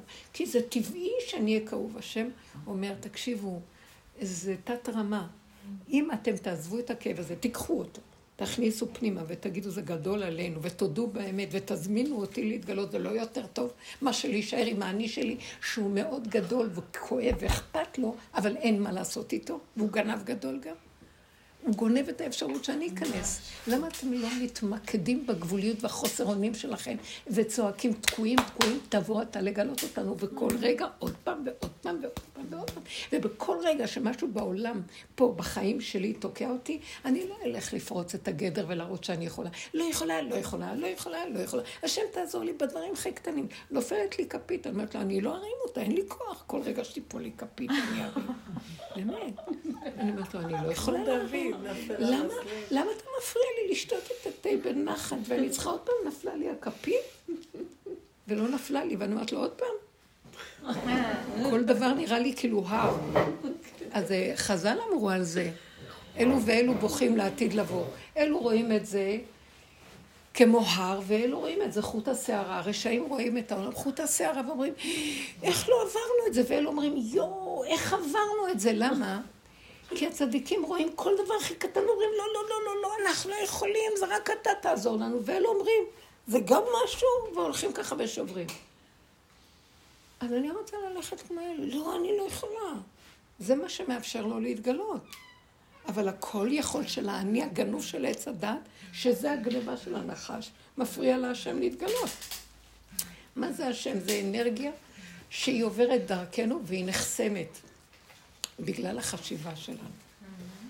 אז את מבינה מה אני אומרת, תמרי? זה נכון, את צודקת, אבל הצדק... זה כאילו, אני חי את החיים הטובים שלי, שינה במיטה ושותה את הכוס קפה וזה, וכל הזמן במוח אומרת, איך את נהנית מהחיים? איך את זה? וזה סתם סתירה שאין לה שום פתרון, אני יודעת. כולם מרגישים ככה, אני מאמינה.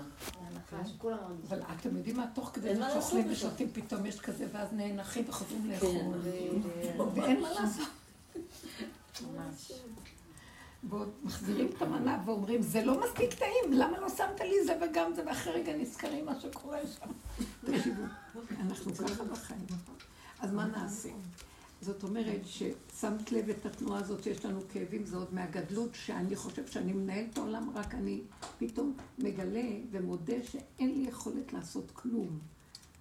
ואני נאנח. זה מין משהו שמכסה אה, מכסה פשעיו לא יצליח, כי אני מכסה. למה? מה זה מכסה? אני עוד חושב שאני יכול, אבל אני באמת לא כל כך יכול, אבל אני לא יורד לעומק העניין להגיד, אני באמת לא יכול ולא יכול כלום, וגם לא יכול, ואני רק נולדתי להיות קטן שנהנה ואומר לו, בוא תנהיג את החיים שלי.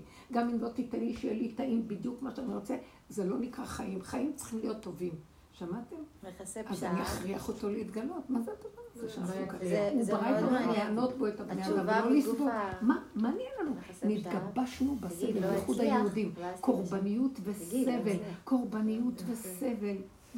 אז זה מה די. שהבן שלי אמר לי בגיל עשר. ברא את העולם להיטיב, לא צריך את הטובות שלו ולא צריך את העולם. בגיל עשר הוא אמר לי את זה. לא, אז זה לא הוא אשם. נכון, זה רק ה... אבל יש כאן איזה מנגנון שגנב ועושה את עצמו אלוקים, איזה, שד יושב על הכיסא וחושב שהוא אשם, שיוויתי השד לנגדי, ככה אומר אה. הבושר. שיוויתי השד לנגדי תמיד. איזה יפה אמרת. מה? אמרת על מכסה פשעיו, אז מכסה פשעיו, רק כשהוא יגיד לא אצלח, אז הוא יכניס את השכינה ויצליח. עד שלא שוברים אותו לרסיסים, וגם לא אז הוא. נשבר מזה ששברו אותו.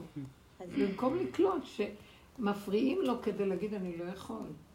ומי שתופס את הנקודה הזאת, מחפש עוד לפני שמתחיל להיות הלא יכול, להגיד לא יכול. לא רק מחכה שישברו אותו. כי כל כך הישות של הדמיון העצמי גדולה, ירובעם בן נבט כל הזמן צעק, מי בראש? מי בראש? והשם אומר לו, רצונך שאני ואתה, אני השם ואתה, ירובעם ודוד, שבסוף אה, נלך, נטייל בגן עדן, אומר לו, מי בראש? הוא גם קינה בזה שהשם יהיה בראש, ולא הוא. מה יש זה אני, זה למה את אומרת הוא. אני כזאת כאן, ראיתי את זה. ואני נכון. מבינה, ואני אומרת את זה להשם. אני קנה, למה אתה בראש ולא אני? ואז, ואז אני מבינה למה. אני אומרת לו, אני רוצה להיות בראש. אז לפחות אני מודה באמת. הוא אומר לי, בדיוק בראתי אותך להיות בראש, אבל לא לפני שאת יודעת בתוכנית הזאת שאת לא יכולה להיות בראש. אתם מבינים מה אני מתכוונת? אדם הראשון הוביל את העולם. אנש... היצורים שהיו בגן עדן באו להשתחוות לו, חשבו שהוא אלוקות. אז אמר להם, לא, אני יציר כפיו של השם, בואו אתם ואני נשתחווה לבורא עולם. אבל באמת באמת הוא ברא אותו לשרור בעולמו ולהיות המלך שלהם. אז יש גנוב אצלנו איזו נקודה שרוצה, אבל לא לפני שנודה שעכשיו אנחנו תחת חוק עץ הדת, אנחנו... אדם הראשון, השם נתן לו רשות למלוך, והוא הודה להשם ומלך ברשותו של השם. ואילו עץ הדת מוחק את השם, אני אמלוך. והקנאה שלנו, למה אנחנו לא מולכים, הקנאה בהשם, היא באה מבית היוצר של עץ הדת. אז קודם שאני אדע את זה, ואני אכניע ראש לזה, ואחר כך אגיד לי, בואי תמלכי, את זה אני. אחי, אני גוף? אני לא דמות הגוף, אני מקווה שבגוף שלך, ואני נותן לך למלוך, מה הבעיה? מה אכפת לי? וזה הוא. ומי בכלל רוצה למלוך אחרי זה? כי הרצון למלוך בא רק מהדמיון של עץ הדת. זה רק ה- זה רק תמיד, כאילו, הקנאה הזאת. זה רק ממנו, כי אף אחד לא רוצה כלום. כי, אתם יודעים משהו? כל רגע, כל נשימה, כל יצוא הוא מלך באותו רגע. אף אחד לא יכול לקחת לו את המלכות שלו. אפילו. הבלגולה הוא יושב על העגלה שלו ועושה ככה עם הסוסים, הוא המלך כרגע, אף אחד לא יגיד לו מה לעשות. יש לו מעשה בעלות על העגלה. ככה שברא בעולמו, וזה בסדר. זה, זה ככה העולם, אבל האדם יש לו קנאה, וכל זה אינו שווה לי, למה שהוא ימלוך? אבל הוא הולך ברגע שלו, בעגלה שלו, מה אכפת לך? לא, אני רוצה למלוך עליו ולמלוך על כולם, ולא יהיה רגוע עד שרק לי, רק שאני אמלוך, רק אני. זה כל העריצים של, ה, של הבריאה. אז זה איך שזה נראה, אני יכולה לזהות שזה עץ הדת. וכשאני עייף מהכל ואומר איזה טיפש, כל רגע אני מלך, וה... וקופץ לי המוח וגונב אותי, וזה מביא לי ייסורים, ונחשים ועקרבים עוקסים אותי, ואני מקנא ומקנא ואלף מיטות ולא קינה אחד. זה לא חיים בכלל. תכירו את זה. תרצו לפרק את העולם. די. די, איזה שקר זה, לא רוצה. כי אני אבוא במגע איתו, אני אקנא. אני אבוא בזה, אני אשנא. אני לא רוצה.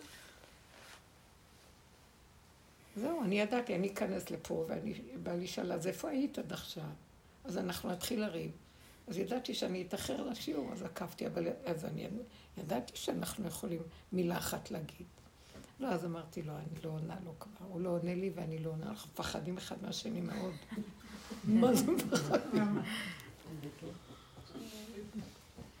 כל אחד, התחנכנו, חטפנו. כל אחד נכנס לדלת אמות ונהיה בסדר, שקט. מאוד נחמד. כמו שאמרנו יצחק ורבקה, שדיברנו, שכל אחד כן, היה... כן, נכון. כמו יצחק ורבקה. היא לא אמרה לו כלום, הוא לא אמר לה כלום. לא שיתפו. למה? חמודים, אני צוחקת, זה העולם הכי מצחיק בעולם. ותצחקו, בכלל אף אחד לא מציאות, לא הוא, לא אני, לא אף אחד, לא כלום. זה מיד הראש קופץ, מיד. וזה צחוק, מאוד צחוק אחד גדול, הכל פה. בואו נהנה ובואו נודה להשם. ונראה לכם, עכשיו ככה, יש כאן מלחמה. זה רק רובד, יש עוד מיליון עולמות שאין שם מלחמה. אני יושבת באחד העולמות שם. סליחה שאני אומרת לכם את זה, אני אומרת לו, אבל אי אפשר לעזור לעולם פה מתוך העולם פה. רק כשיוצאים מהעולם אפשר לעזור.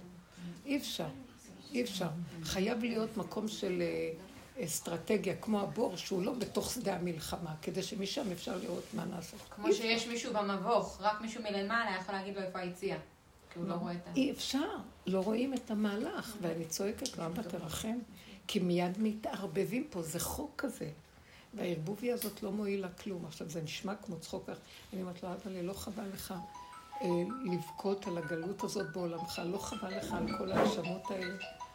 תגאל את עולמך וצמח אותנו. באמת, אם אני אפתח את המוח, אני לא יכולה לישון. לא יכולה לאכול, באמת, בפועל, אני אומרת לך. אני מאוד רגישה, לא יכולה לחיות. לא יכולה, אני ביקשתי את נפשי לא להיות פה כבר הרבה פעמים, אבל הוא לא רוצה. הוא רוצה שנהיה פה ולא נהיה פה. להיות פה. נהיה פה בגוף ונחיה ולא בתודעה של העולם. הבנתם מה אני מתכוונת? כי אז נוכל לחיות איתו בעולם פה. כי הוא לא נמצא בתודעה של העולם. איפה שיש תודעת עולם, אין בורא עולם. אין בורא עולם, זה שקר. אתם קולטים מה אני מדברת? הוא לא בנמצא. יש אני, יש מחשבות, יש לי גם השם שסידרתי לי, וכל מיני כאלה, ואני ומתחמנת אותו איך שאני רוצה, ואני כועסת עליו לפעמים, לפעמים אני מאוד אוהבת אותו, ואני מתפללת אליו, ונראה לי שאני אליו, אז אני עובדת את עצמי, לא אותו. ככה אנחנו חיים פה. לחיות באמת עם השם, צריכים לדעת שבשלילה תשללו, אין לי כלום, לא אכפת לי כלום. אני לא מסוגלת כלום, אני גבולית, וגם אני לא מצווה על כלום. הלבישו עליי עלילת דברים פה, והשם רוצה לראות מי האנשים שמתח... שיכולים לפרק את העלילה. עכשיו, החוכמה היא לפרק, אבל לפרק בצורה חכמה. לא לבוז לאחרים שנמצאים, לרחם. כי אף אחד לא עושה את זה. כולם תקועים פה וגנובים. פשוט לרחם על העולם. איך את מגיבה על העולם? איך? הרי האינטראקציה שלנו היא עם בני אדם. הם מדברים, הילדים שלנו. הם מדברים אלינו, הבן זוג מדבר אלינו. בסופו של דבר האינטראקציה היא מולם. ברגע שאת עושה עבודה עם עצמך, עדיין מהצד השני יש... איך את מגיבה? ברחמים? במה? איך, איך את מגיבה? את לא חייבת להגיב בפועל. אלא? אנחנו ישר, שימו לב, זה עולם ההתפעלות. כל רגע אנחנו מתפעלים ומתרגשים ומגיבים. אז, אז נניח לא מגיבים, אז, אז מה כן עושים? את יכולה להגיב כאילו, אהה, או, ולא להתכוון בכלל. אה, באמת? אותיות האבי, בקיצור. הביא. זה כלי, זה כלי. זה- זה כלי. אהוי דרך. יש לי דוגמה לדרך. כן. דוגמה קטנה, טיפשית אפילו, אבל זה כאילו ממש היה, עכשיו בדרך שהגעתי לפה היה פקק ארוך.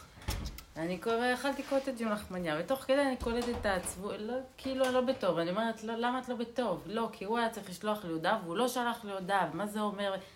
אמרתי, אתה מפריע לי באמצע הקוטג' עם השם. מה הקשר עכשיו להגיד לי מה אמור להיות? ופשוט אה, כאילו מסרתי את זה להשם, ואז, אמר, ואז זה לא נגמר. ואז אני אומרת, רגע, הזמן אה, מתאחר, אני אבוא, הרבנית תגיד לי למה איחרת, אז אולי אני לא אכנס בדלת, ואז אני אעלה, ואז אני אפגע. אז אמרתי, לא, את תיכנסי, היא תגיד ואת תצחקי. ותמשיכי לאכול את הקוטג'. בפעם הבאה תבואי יותר מוקדם. נניח יש לי... ותצחקי. ותצחקי. נניח הרבנית, יש לי, דוגמה, יש לי ילדה בפנימייה. וכל החלום שלה הוא לחזור הביתה, והחלום שלי גם, אבל דברים מהמציאות לא מאפשרים. שהיא תישאר שם החלום שלך. לא, חלילה. למה חלילה? למה חלילה? את יודעת מה? אולי, נקודתית, כי יש לי פחד, אבל ברצון, כן. יש לי רצון שהיא תחזור. כמו אוקיי, כל אז. מה עכשיו הסיפור? הסיפור הוא שהיא אמרה לי, נו, מה את אומרת? יש לנו עכשיו ועדת. אני, אחזור, ואני מצד אחד רוצה להגיד לה לא, מצד שני רוצה להגיד לה כן, אז בעצם את אומרת להגיד לה. כאילו, ככה, מה, מה, ולא כאילו, אני באמת שואלת, ולא להזדהות עם זה, אבל אני באמת רוצה שיהיה בואי, בואי. נקשיב, בואי ניקח לזה ונפרק את זה. טוב, זה טוב לפרק. כן. תני לי את הסיפור. הילדה נמצאת בפנימייה ורוצה להגיע הביתה. כן. למה היא בפנימייה? בגלל שהיא נכנסה למצבי סיכון. היא נכנסה למצבים של סיכון, וראית שאת לא יכולה לטפל בדבר הזה? "כן, אני לא יכולה." זה קשה. ראית שאת לא יכולה, נכון? לא. ואז ראית שמסגרת כזאת יכולה להועיל לה יותר טוב מה שאת, נכון? נכון. אוקיי. עכשיו היא אומרת... טעיתי אני- בגדול אבל. מה? טעיתי בגדול. טעית? כן. למה? כי המסגרת שהייתה אמורה להגן עליה בעצם חשפה אותה לסיכון יותר גדול. אה, אוקיי. הבנתי, זה תמיד אני חושבת גם כן שהמסגרות האלה הן לא פשוטות בכלל, כן. אבל בוא נגיד דבר אחר. נעשה הדבר. אבל ראית, ראית מה שאת אומרת, טעיתי בגדול. זה מה שנקרא, סליחה שאני אומרת, רשעים מלאי חרטה. את לא חלילה רשעית, אבל שוכב הוא רשע. למה? הוא לא מזהה שהוא לא יכול. והוא באמת לא יכול. אז הוא שם אותו במסגרת אחרת, כי הוא לא יכול. כי אחרי כמה זמן המוח קופץ ואומר לו, מה זאת אומרת? שמת אותה שם וזה נהיה שם יותר גרוע? זה לא בסדר. למה שמת אותה? טעית בגדול. אבל באמת, באמת, שמתם לב מאיפה הקול הזה בא, מהקול הזה, מקול המבקר שיושב עם האצבע. רגע אחד הוא הולך ואומר לי, הוא משגע? את העולם וגורם לה שהיא תיפול ולא כן. זה, ואין יכולת, והוא משגע את כולנו. ואז הוא אומר, זה יכול להיות פתרון. רגע אחד הוא חוזר ואומר, למה שמת אותה? מה את עושה? מה את לא עושה? ואני לא מזהה, ואני הולכת פעם עם הדבר הזה, שתלך. ופעם עם הדבר הזה, למה היא הלכה? ואת לא מזהה שיש איזה משוגע. שיושב לך במוח ומשגע אותך ואת כל באי עולם, וגומר להם בסוף שם גומר עליהם? והוא יושב וצוחק. זה מה שאמרו על השטן. שהוא יורד ומטעה את הבריות, עולה ומקטרג, יורד ונוטל את הנשמה. שמעתם עליו? זה דבר ידוע, יש לו כזה, זה המלך, המלך העולם פה, הוא זקן, טיפש, שד, רשע, מרושע. בקיצור, אם היינו יודעים באמת, היינו לוקחים את כל מה שיש לנו ורק בורחים מהתודעה הזאת, בלי לרחם על אף אחד, כי חיי קודמים. כי אם אני אציל את עצמי, אני אציל את כל העולם. ואם אני אפול יחד עם כל העולם, זה חסר וזה לא נהנה, ואין בזה שום דבר. בחיים. עשתה. אז עכשיו בואו נחזור לדבר הזה. אז את צריכה פשוט לקום ולזהות, שקודם לא יכולת לעשות כלום, וגם עכשיו לא יכול לעשות נכון. כלום. והחרטה והכאבים של המצפון שיש לך, זה בגלל שאת עוד חושבת שאת יכולה, וזה הגלבה של האני שחושב שהוא כל יכול, כאשר הוא לא מודה, ובאים לו כל כך הרבה ניסיונות שהוא לא יכול. אז הוא צריך לא להגיד, אני לא יכול בשיוורון, כי אז הוא באמת מראה שהוא היה בעצם יכול, אבל מה לעשות, נעבך, הוא לא יכול. לא, הוא לא יכול מלכתחילה. זה דמיון שיושב לנו וכל הזמן שודד אותו, אתה יכול, אתה יכול, אתה יכול. לא ראיתי אף אחד שהגיע לאף מקום, כי אדם מגיע לשם, שהוא חושב שיכול להגיע, ואחרי זה אומר, לא, אבל אני צריך להגיע לשם, ואחרי זה הוא מגיע לשם, לא, אבל אני צריך להגיע לשם, הוא בתודעת השם, שם, שם, את מכירה את זה? אף פעם לא מגיעים לאף מקום. גם גדולי עולם אומרים, לא יצאנו, אף אחד לא יצא מכאן ואמר, השלמתי את תיקוני. תמיד יוצאים במין חסר. אז המקום הוא שלנו להבין שזה המציאות פה. אני תמיד אהיה חסרה פה. בואו נודה בחסר, ונמליך את מי ששלם, שיכול להשלים את החסר. מה כל כך מסובך פה? סוף סוף השם אומר, הבנתם מה קורה פה? אכלתם מעץ הדת, ואתם גנובים שאתם, גנבתם לי את הכתר ואת המנדט של השליטה, ואתם חושבים שאתם כאן. וואו, חיים פה. ואז אתם נעים, רגע, אתם באמת הולך לכם, רגע, אתם נופלים לקנטים ולא הולך כלום. ועוד פעם קמים, הוא מטלטל אתכם, מקים אתכם, והוא צוחק והוא מתעלל בכם. ובאמת, מה הייתם צריכים להגיד? משוגע יושב פה, אני לא רוצה להיות שייך לו בכלל. כי אני מלכתחילה לא אמור להיות, יכול להיות כלום. אני כלי שדרכו אתה זורם ועושה הכל. אתה יודע, ריבונו שלם, תרוקן אותי מהתודה שגונבת אותי, ואני רוצה רק להישאר כלי ריק. והוא לא יגיד לך, טוב, תהיי כלי ריק. גברת, את אכלת את אכלת, אה, את יצרת את הבוץ הזה, בבקשה, ממנו, מהדרך, מהדלת שנכנסת, מהדלת הזאת תצאי. את הרגת את, את כל הסיפור הזה, את ההריג הזה של הפשע, תפרמי עין בעין. תתחילי להתבונן בעצמך ולהכיר ולהודות, ולהתחיל לנתק רגש ולנתק אה, ביקורת ושיפוטיות וכל זה, ולא לא כל שכן שלא לכעוס על אף אחד, ולא להאשים לא את המדינה, לא את הראשים שלה, ולא את אלה, ולא את המשפחה, ולא את הילדה, ולא גם אותי, ולא להאשים אף אחד, ולהגיד אבל ככה זה, ותרחם עליי. אני בעצמי ילדה קטנה, שהלבשת עליה ילדה, אני לא יכולה, אני לא מסוגלת לטפל בכל הסיפור הזה. הוא אומר, אוקיי, זה מה שרציתי לשמוע. מודה ועוזב ירוחם, הוא מכסה פשעיו, לא יצליח. אז מה אתם רוצים? תודו רק, ותקראו לי לבוא. בכל מקום אשר אזכיר את שמי, אבוא אליך וברכתי לך, תזכיר אותי. תגיד לי. ותגיד לי את האמת שלך. השם תעזור לי. כלומר, אני יכול, אבל אתה רק צריך לבוא לעזור לי קצת. שמעתם? לא, השם ישועה, אני לא יכול כלום ולא רוצה גם להיות יכול. אני לא רוצה להיות יכול, אני רוצה שאתה תמלוך עליי ושיהיה לי מתיקות. הנה הידיים והרגליים. תדעו לכם, זה, זה דיבור פסיכולוגי. כי הלא השם לא גוף, לא דמות הגוף. אבל כשאני מרוקנת את התודעה מהמלכות על עצמי, למה אני לא, למה אני כן, אני נהיית רגועה, ואז אני אומרת, פותחת את הפה, מי זהו אני גם לא יודעת, אני רק יודעת שאני מדברת את האמת הפשוטה שלי, ואומרת לו, לא שם, אני גם ילדה קטנה. אני רוצה לחיות, רוצה לשמוח, אני רוצה לעזור, אבל לא עם הדמיון שלי שאני העוזרת. אני כלי ריק, שים לי בידיים ואני ארוץ, שים לי פלפל, אני ארוץ. שים לי חוכמה, אני אפזר אותה, שים לי לב, אני אתן אותו, תים לי אה, מתנות ושפע, אני אחלק. אתה לא יכול להשאיר אותי בריק כזה, ושאני כל הזמן אגיד אני ואני ואני, מכה אחת קטנה מראה לי שאני לא כלום. עוד פעם אני קמה, לא, אני כן משהו. די כבר, זה עלוב. מי יכול פה כלום? פתאום נעצר העולם בשבע באוקטובר, וראינו שאנחנו לא יכולים כלום. טוב, זה היה מזעזע, זה זעזע את כולם. ובשנייה זה עוד פעם חוזר. לא, חבר'ה, זה רק היה, זה כמו איזה מסיבה של רגע, הרדימו, ופתאום קמו עוד פעם המנגנים, והכל הכל כרגיל. מה כרגיל? מה כרגיל? מי ערב לי ששולחים את החיילים שם והם לא, חלילה יקרה להם? לא יודעת, לא יודעת. מי מכניס? אני לא יכולה להסביר כלום. מה אנחנו רוצים להשיג שם בכלל? אין אסטרט... מה רוצים להשיג? ומתים עליך אין. סליחה שכואב לי עליהם. אני לא יודעת, אין דוחים נפש מפני נפש כדי להוציא את אלה שלא ברור שיוציאו, להרוג עוד אנשים בפועל בחוש. האם זה בגלל זה שירגיזו את כולם שם? אני כבר לא יודעת מה להגיד. אני לא הייתי שולחת אנשים שיוציאו. ואז היו צועקים ועושים תפילות מאוד גדולות, ויכול להיות שיש איזו ישועה שכן השם יכול לעמוד ולהוציא. וגם יש לו חשבונות למה הוא שם את האנשים. אני לא יודעת. אני, יש לי דברים שאי אפשר להגיד אותם. אני לא יודעת. אני לא יודעת. אבל uh, המקום שלנו להפסיק להרים ראש ולחשוב שיכולים. וכוחי ועוצם ידי. אני לא חושבת שאני יכולה... קשה מאוד. עכשיו, אם הילדה שלך נחזור, מהמקום הזה את פשוט תגידי, רגע, אני... היא רוצה לחזור הביתה. אני יכולה לארח אותך לשבת. אני לא יכולה להחזיק אותך בבית. את יודעת שאני לא, אין לי שליטה עלייך. יש לי רכות לב. ואת, אני אוהבת אותך, אבל את גדולה עליי. את לא מקשיבה, את עושה מה שאת רוצה. אני מכירה את הסגנון הזה של נער, ילדים בסיכון. הם, יש בתוכם כוחות שאת לא יכולה לעצור אותם. Mm-hmm. זה, הם נולדים ככה. הם נולדים ש... אה, תעזבו אותם לנפשם. תכוונו אותם, את מומחית בזה, לא? את היא מטפלת בכאלה. כן, יש לה תואר גבוה בזה, לא? כן. והיא יודעת. מה את עושה אחרי כל העבודות שלך? אני היום הייתי מסתכלת ואומרת, אני לא יכולה לשנות אף אחד. אני יכולה קצת לכוון, לבוא לקראתו באיזה נקודה, לרומם לו את הנפש בנקודה של מקום קטן, שיהיה לו איזו חיוניות ושמחה ממני, ואז מזה הוא יקבל עידוד, אבל לא סידרתי אותו, כי הוא יכול לחזור לסורו כל רגע ואני לא יכולה.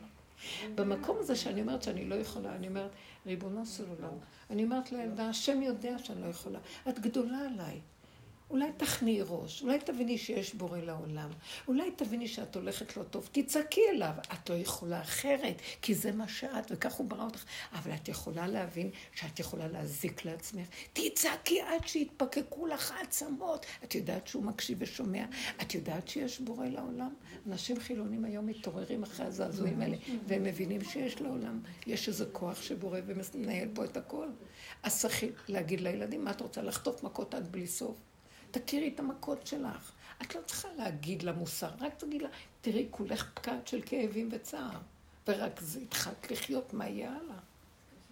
ותעזבי ותגידי, גדול עליי, לא יכולה. ותכירי את זה, אבל תקני את זה להשם. אליה את מדברת מילה או שתיים, אבל זה העיקר הדיבור להשם. ולהגיד לו, תרחם אליה, תשמור עליה. אני לא יכולה לשמור. מחזירה לך את הפיקדון, אני לא יכולה. אתם יודעים שהשם בכוונה עכשיו עושה, הוא לוקח את הכוחות מהבני אדם, את הזכלים, את הכוחות, והוא מכריח את הבן אדם להרפות, הרפו דוקון, ולהרגיש שהם לא יכולים, וכולם יתחילו להרפות.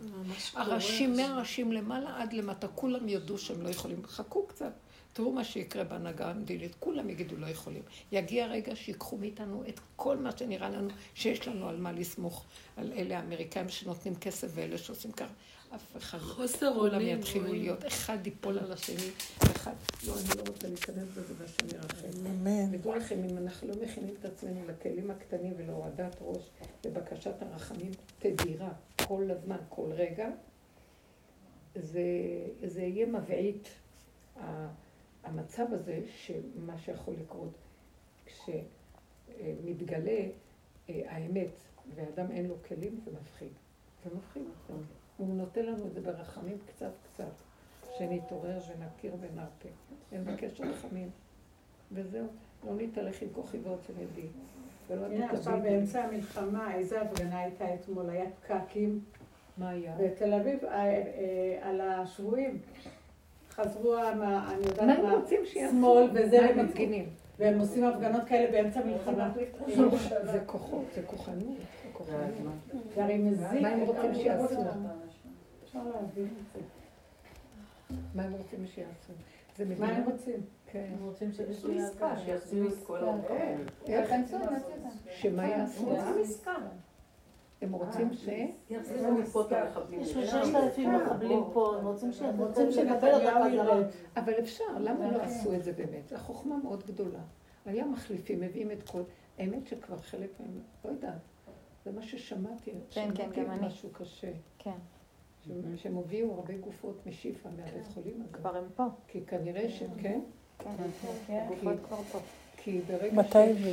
היום? שמתקיפים את בית החולים, הביאו היום? יכולים לשחרר אותם כשהם היו בבית החולים, חיים, אז לא יקבלו את המחבלים, אז הם...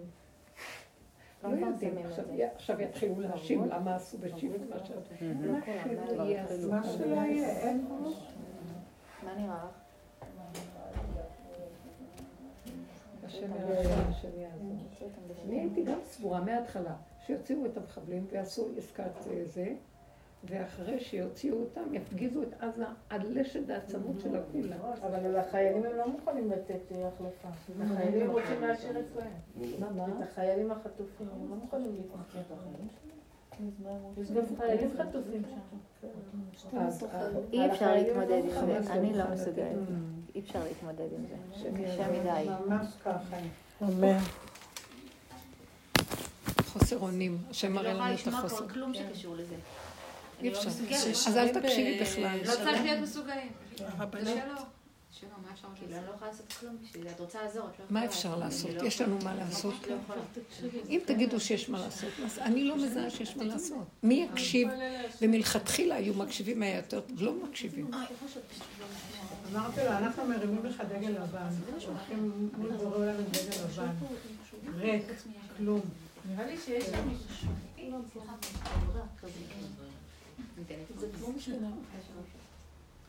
יש אצלי בחדר, אם את רוצה שירותים. את רואה? יש שם חדר בצד, אפשר כיסא שם בצד ימין? יש שם אה, שירותים, תדליקי אור.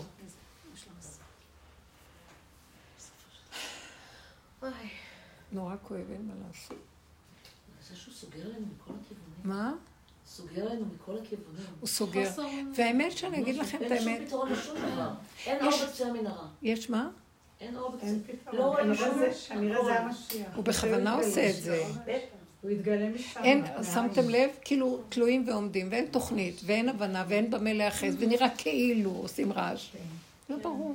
והם גם, זה מחזיק את, מחזיקים כאן תודעת מלחמה בכוונה. כאילו שלא ייגעו בהם בהנהגה, אז זה אנחנו במלחמה, חכו, אנחנו במלחמה, ומעוררים מלחמה, ויוצרים את המצב הזה. אתם יודעים משהו?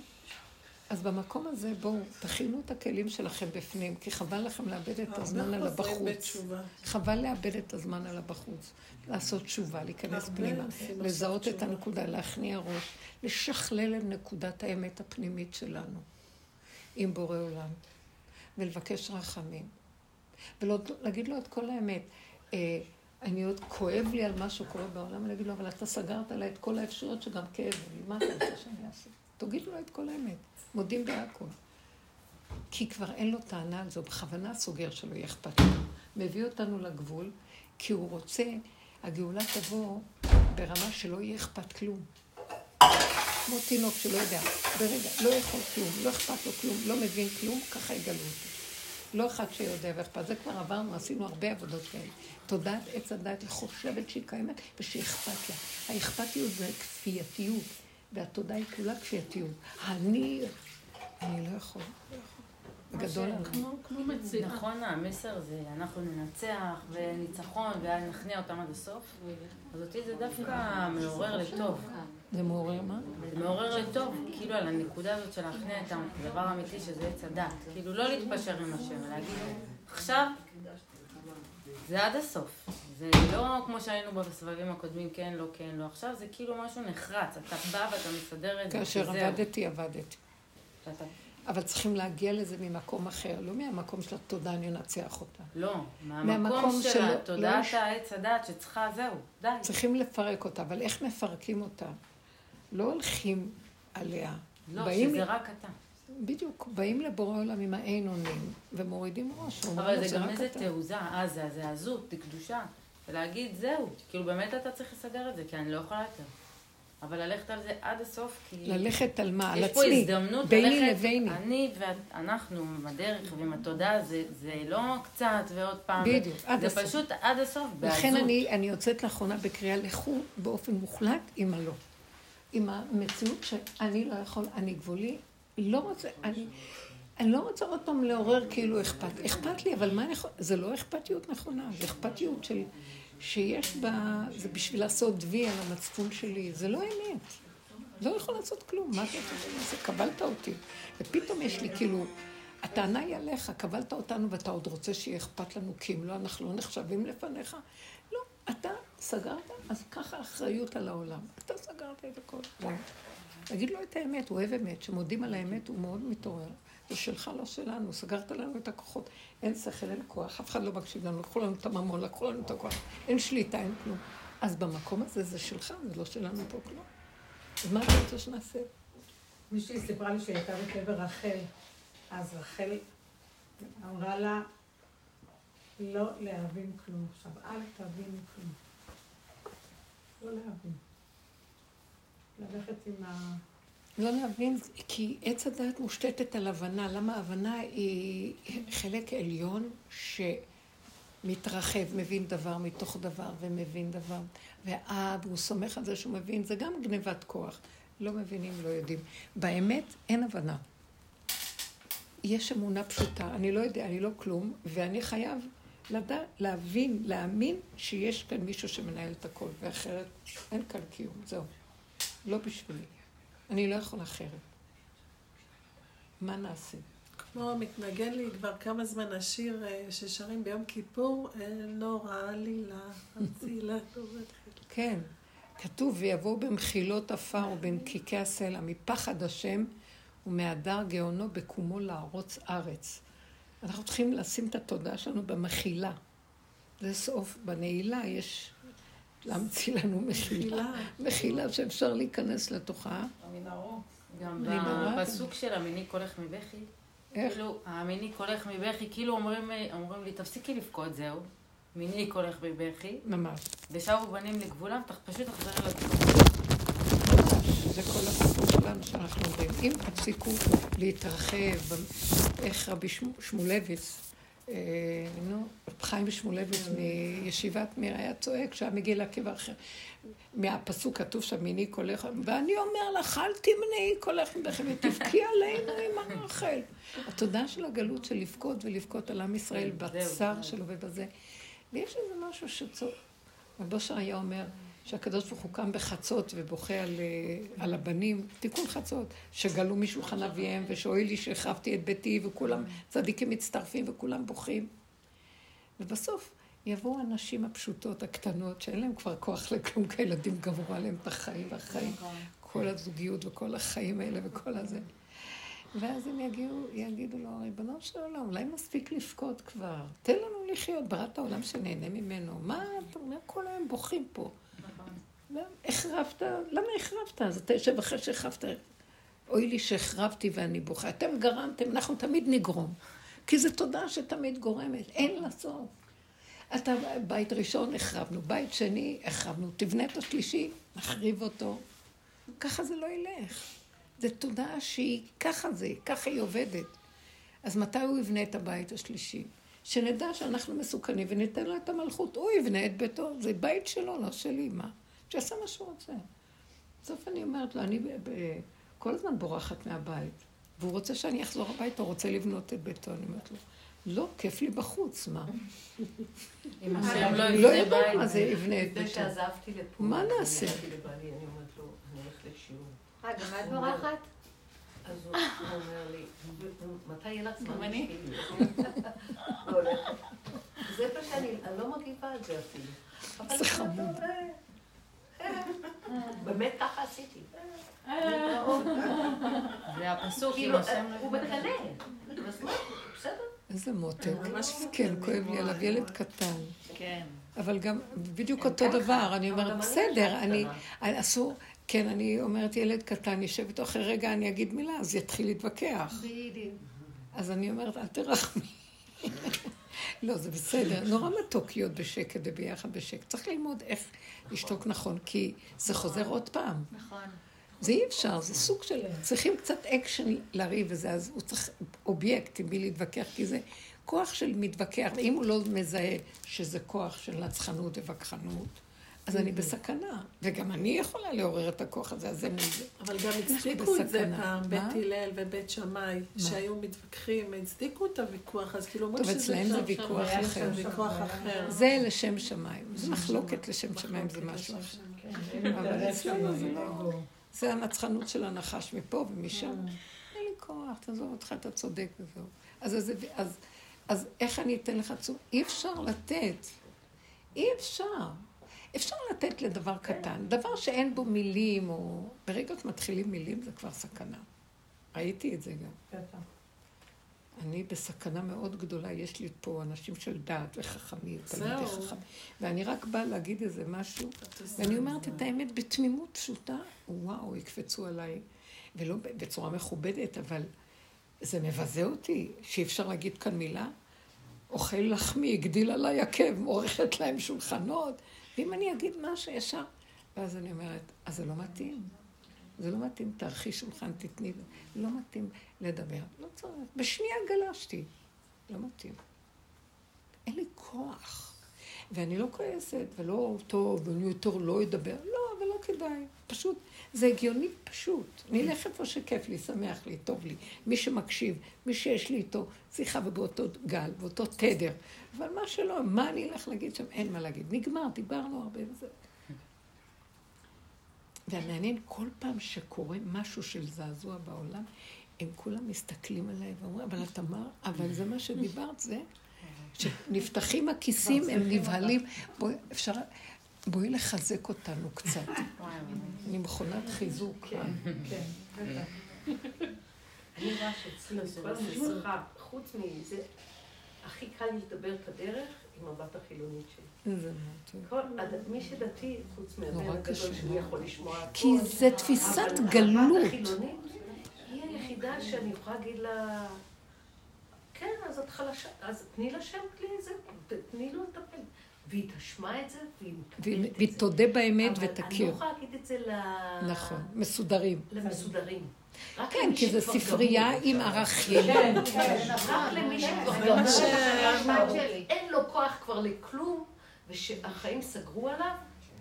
זה מה שהרבנית אומרת. את שגם שהיו באים לרב אושר אנשים כאלה. בסוף הוא ראה שלא, אני... רב אושר, מי, ש... שהכי... מי שקיצר לו את ההתפתחות באמת, היו החסידים שלו. הם רצו לעשות ממנו אדמו"ר ורבה. חסידות רב אושר.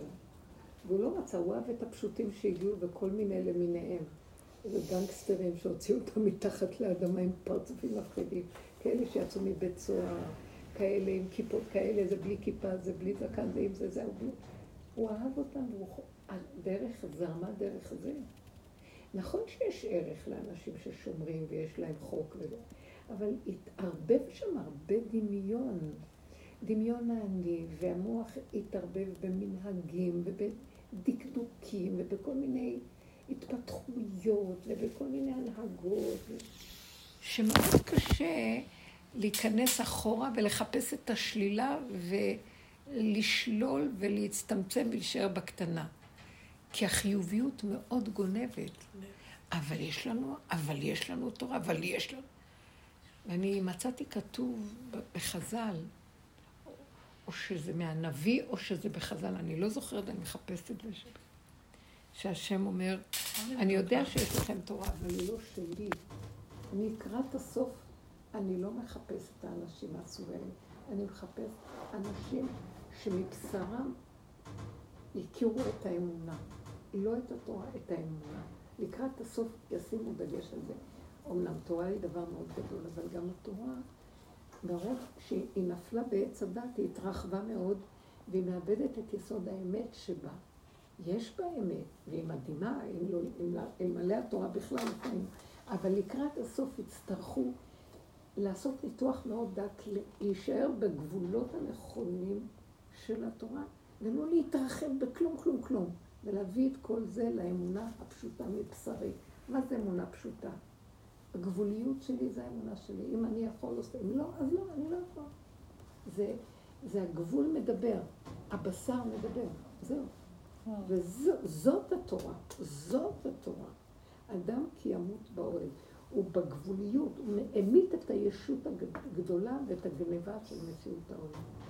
האדם כל כך גנוב על עצמו, והוא רוצה לבוא לידי ביטוי, והוא רוצה לדעת ולהבין ולהשכיל וכל זה. וזה כבר, מי מוכן לוותר על כל זה? זה מאוד קשה, כן? או על היצירתיות שלו, או על ה... מה עוד? שהוא עושה חסד, והוא... תעשה, בקטן בשקט. אז תקיים את המצווה מה שצריך בנקודה קטנה. למה אתה צריך את כל הגנובים על האני הזה? כי מזה אנחנו חיים, מהתדמית שיש לנו, של עצמנו, התשקיף שחוזר עלינו מהמצב. אנחנו משתמשים בתורה כקרדום לחפור בו, שזה הישות שלנו גונבת את זה. והשם אומר, אבל אני לא שם, די. נכון שבגלות אה, לא היה כמו שזה עכשיו, שהמחלה כל כך התפשטה והרבה תאים. קודם זה היה, וגם כן, השם אמר, טוב, זה גלות ואני לא נמצא, אז המנהגים החזיקו, וכל הקהילתיות החזיקה, ועם משפחתיות, והעלים עין. אבל לקראת הסוף זה לא יעבוד, התודעה הזאת לא תמשיך, היא לא יכולה. היא לא... זה סותר את האמת הפשוטה של גילוי השם. הרבנית סיפרה פעם ששתי נשים באו לרב אושר, וישבו בחוץ חיכו. ואחת נכנס, אחת סיפרה לשנייה מה הבעיה, והם ראו ממש יש להם את אותה בעיה. אחת נכנסה, והוא אמר לה מה לעשות, היא יצאה, אז היא סיפרה לחברה שלה, והיא אמרה, טוב, אני לא צריכה כבר להיכנס. ו... אבל היא אמרה אחר כך, בכל אופן, אני רוצה להיכנס לצדיק, אז היא כן חיכתה, כי היא לא צריכה לחכות עוד. ואז כשהיא נכנסה... הוא אמר לה דבר הפוך. הפוך לגמרי. זאת אומרת שכל אחד, אם הוא לא ביחידה שלו, אז אי אפשר... ההוראה שלו אחרת מהשני. את אומרת הגבול. כל אחד הגבול שלו זה... התורה שונה אצל כל אחד. זו תורה אחת, אבל כל אחד שונה. לפי הכלים. לפי הכלים. מה שהשם ברא. אנחנו צריכים הוא- לעשות את התורה שלנו. לפי הכלים שלי. היא תורת אמת מבשרי. בסדר. גם המילה תורה היא מדי גדולה, זה קשה, זה הכל מושגים במוח. אין מושג כזה, יש נשימה, יש רגע. וחי בהם רגע רגע. לפי הסיבה, לפי הנקודה, לפי ה... לא ללכת עם ספריות על הראש. ככה, פשוט, קטן. אברהם אבינו קיים את התורה, ועוד לא הייתה, עוד לא קיבלו את התורה. מבשרו. מבשרו. אני חושבת גם פעם הרבנית סיפרה מרב אושר, אני לא זוכרת אה, אם הרבנית סיפרה את זה, שהחטא העגל זה, השם דחף אותם והפיל אותם, בגלל שהם קיבלו פתאום אה, קצת ישות, אוי, אנחנו קיבלנו את התורה. אז הוא אמר, עדיף שיפלו בחטא העגל ולא בגאווה. לא זוכרת ש... אתה זוכרת את זה מ... לא, אבל, אבל אה, יכול להיות. יכול להיות שיש שם איזה נקודה.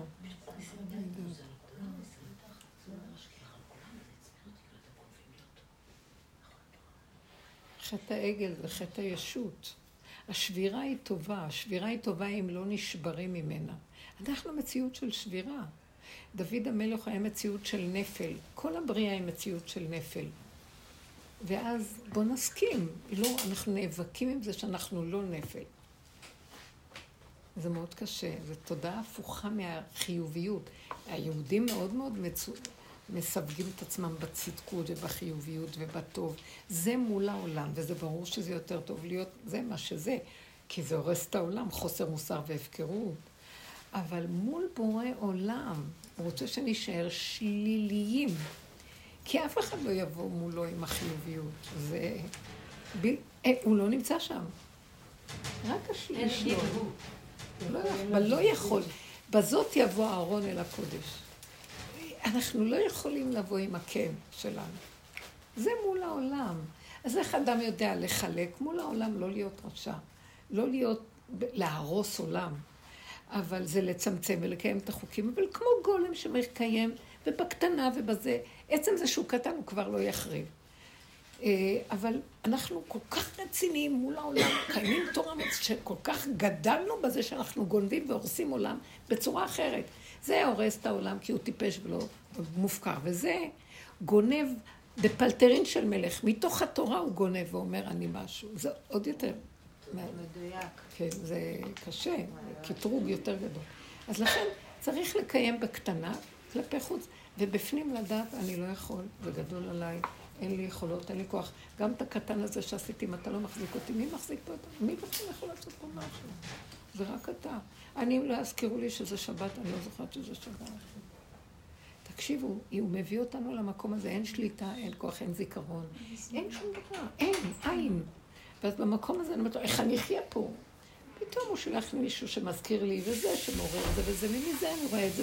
ואז אני בקטן חוזר ועושה דברים קטנים. ופתאום אני קולט, לא שלי פה כלום. אין לי זמן, אני לא שולטת, לא בזמן, לא במקום, לא בפעולה, לא בכלום. זה הוא מפעיל. זו תחושה של עזיבת הישות. לאט לאט הישות הזאת אין לה משמעות. היא מפריעה לגלות שיש מישהו מנהל פה את העולם דרכי. יש לזה עוד שלב. איך? אני אומרת, יש לזה עוד שלב לדבר הזה. שברגע שאני מבינה את מה שהרבנית עכשיו אמרה, אז אני מבינה שאני צריכה גם אה, לא, לא לגרום לצד השני בעולם, בחיצוני, לעבור את הגבול של עצמו. אם לא אני- להוציא את ה... אם אני זאת אומרת, אם אני אדרוש ממנה משהו שזה הגבול שלה, ואני מוציאה אותה מהגבול שלה, אז אני גורם. אז זה, זה גם חלק מהסיפור. נגיד, כבר. נהיה אוטומטי, שאת בגבול ברגע שאת עובדת. עם הנקודה שלך, זה כבר, זה כבר מרכז את כל השוק, מה ששייך, שקשור אלייך, לא גם הוא. מתחיל להתרכז. זה משפיע. כי אם נגיד אנחנו חיים עם אנשים, ואנחנו דורשים מהם, מהאנשים הקרובים שלנו, לעשות דברים שהם מעבר לא לגבול שלהם. לדרוש, לא לדרוש, לא לדרוש, אז אני אומרת, זאת ה... זה ואהבת לרעך כמוך. כבר זה כאילו ההמשך. לא לדרוש. להפסיק, בואו, קחו כלל, להפסיק לקחת את העולם כמציאות בפני עצמו. תתחילו לשים את המניות בסל של בורא עולם, הכל זה רק הוא. השני הוא רק מראה לי שיש בורא. איך? דרך החיסרון שלי, שאני רוצ, רוצה לדרוש ממנו, לצפות ממנו ולהגיד לו ולומר לו. אני יכול להציע לו אם הוא רוצה להקשיב. נקודה קטנה. כשאני רואה שיש התנגדות, אחי זה שלך, לא שלי, תעשה מה שאתה רוצה. אני חוזר לנקודה שלי ומרפא. כשאני מרפא, הוא, יש לו מרחב להתבונן בעצמו ובאמת להכיר. משהו נכנס בו. כי אני פיניתי שטח ושמתי את התודעה שלי במקום אחר. וזה מאוד לא, זה לא קל לבן אדם, כי הוא מתרגז על השני, שלא מקבל ממנו. ושהוא כל כך רוצה לטובתו, אז איך יכול להיות? ושהוא פגע בכבודו, כי בסך הכל עשה אותו אפס ולא משהו. וכל כך הרבה גחמות, ואני רואה את הנקודה, ואני אומרת, אבל את רואה, הוא מראה לך איך את נראית, אז תורידי ראש לבורא עולם. כי זה מה שמפריע לך להתקשר לבורא עולם. כל החשבונאות הזאת של האישיות שווא ושקר שיש לך מול העולם. אני אגיד לכם את האמת, טיפה אנחנו מרמים מול העולם, האישיות שווא ושקר תחזור. יש איזו מתיקות של סיפוק של שטן בדבר הזה, שאי אפשר להסביר אותו. אז אני מסוכנת, לא רוצה. קשה מאוד. תתחילו להתמסר לנקודה הפנימית, כי אין הרבה זמן, והוא קורא לנו לנצ... לנצל את האתנחתות. בין עדר לעדר צריכים רווח, אז הוא נותן לנו רווחים, והוא אומר, אז תתבוננו, תכירו, תשכללו את המקום של הקשר שלכם איתי, תתחילו להוריד את התודעה מהעולם אליי. אנחנו מזמן כבר עובדים, אבל עוד יותר ועוד יותר ועוד יותר. לא להגיב ולא להתווכח ולא להתנצח ולא כלום, וכן להיות בעולם. כן להיות בעולם, אין להיות מחוץ לעולם, כי הוא מתגלה בעולם ואני כלי שלו, אז הוא צריך אותי בעולם. הוא לא מתגלה על המדבר, הוא לא מתגלה על העצים והאבנים, הוא רוצה בתוך העולם, כי נר אחד, נר למאה, כשהוא יורד בכלים, הוא משפיע לכולם דרך אותו אחד, והוא שותק, מה אכפת לו, משפיע, לא משפיע, כן משפיע. ואסור לו גם לדעת, כי אם הוא ידע, הוא יגנוב. שום דבר, ככה וזהו. וטוב לו, טוב לזה, טוב לאנשים סביבו, וטוב לו בור עולמו, שיש אחד כזה בעולמו. וכל אחד, אה, עשר כאלה, בי קנישתא, מה שנקרא קבוצה אחת שחיה ככה, משפיעה הרבה בעולם. כן? זה דבר ידוע. אז אנחנו צריכים להתעקש רק עכשיו לנקודה הפנימית של עצמנו, ולא להשקיע הרבה את האנרגיות במה ששומעים ורואים. וש... גם כששומעים לעשות שמיעה סלקטיבית. ואם אנחנו רגישים מדי, אז לא להיכנס שם. לא, זה מסוכן. כן, זה מה זה מסוכן? זה סכנה, אני רואה, כשאני רואה משהו שאני לא עומדת בו, זה... זה אחר כך פוגע. כן, חולים על זה, מרגישים את זה, זה מציף אותנו. כן. זה... אנחנו יכולים. עדיף לא לראות. יכולים. לא יכולים. יש הרבה עולמות לקדוש ברוך הוא. אני שייך לעם ישראל בצורה אחרת. כתוב במעמד הר סיני, ויחן ישראל בלב אחד כאיש אחד. האדם האחד שהוא רוקן את עצמו, הם עבדו על עצמם להיות ב-49 ספירה וזה, רוקנו עד למלכות של המלכות, כלום. מתוך הכלום של אחד, השם חיבר את כולם להיות מאוחדים, בלי שאני אעשה כל מיני עבודות להתאחד עם השני, דרך המוח והתוכניות שלו, שזה שזה אחדות שתלויה בדבר. לא, זה באופן טבעי. אני בכלי הריק, מתגלה מכלי ריק יסוד נקודתי אלוקי, מיד הוא מחבר עם כל אלה שעושים כמוהו וזהו זה. וככה זה מתחבר.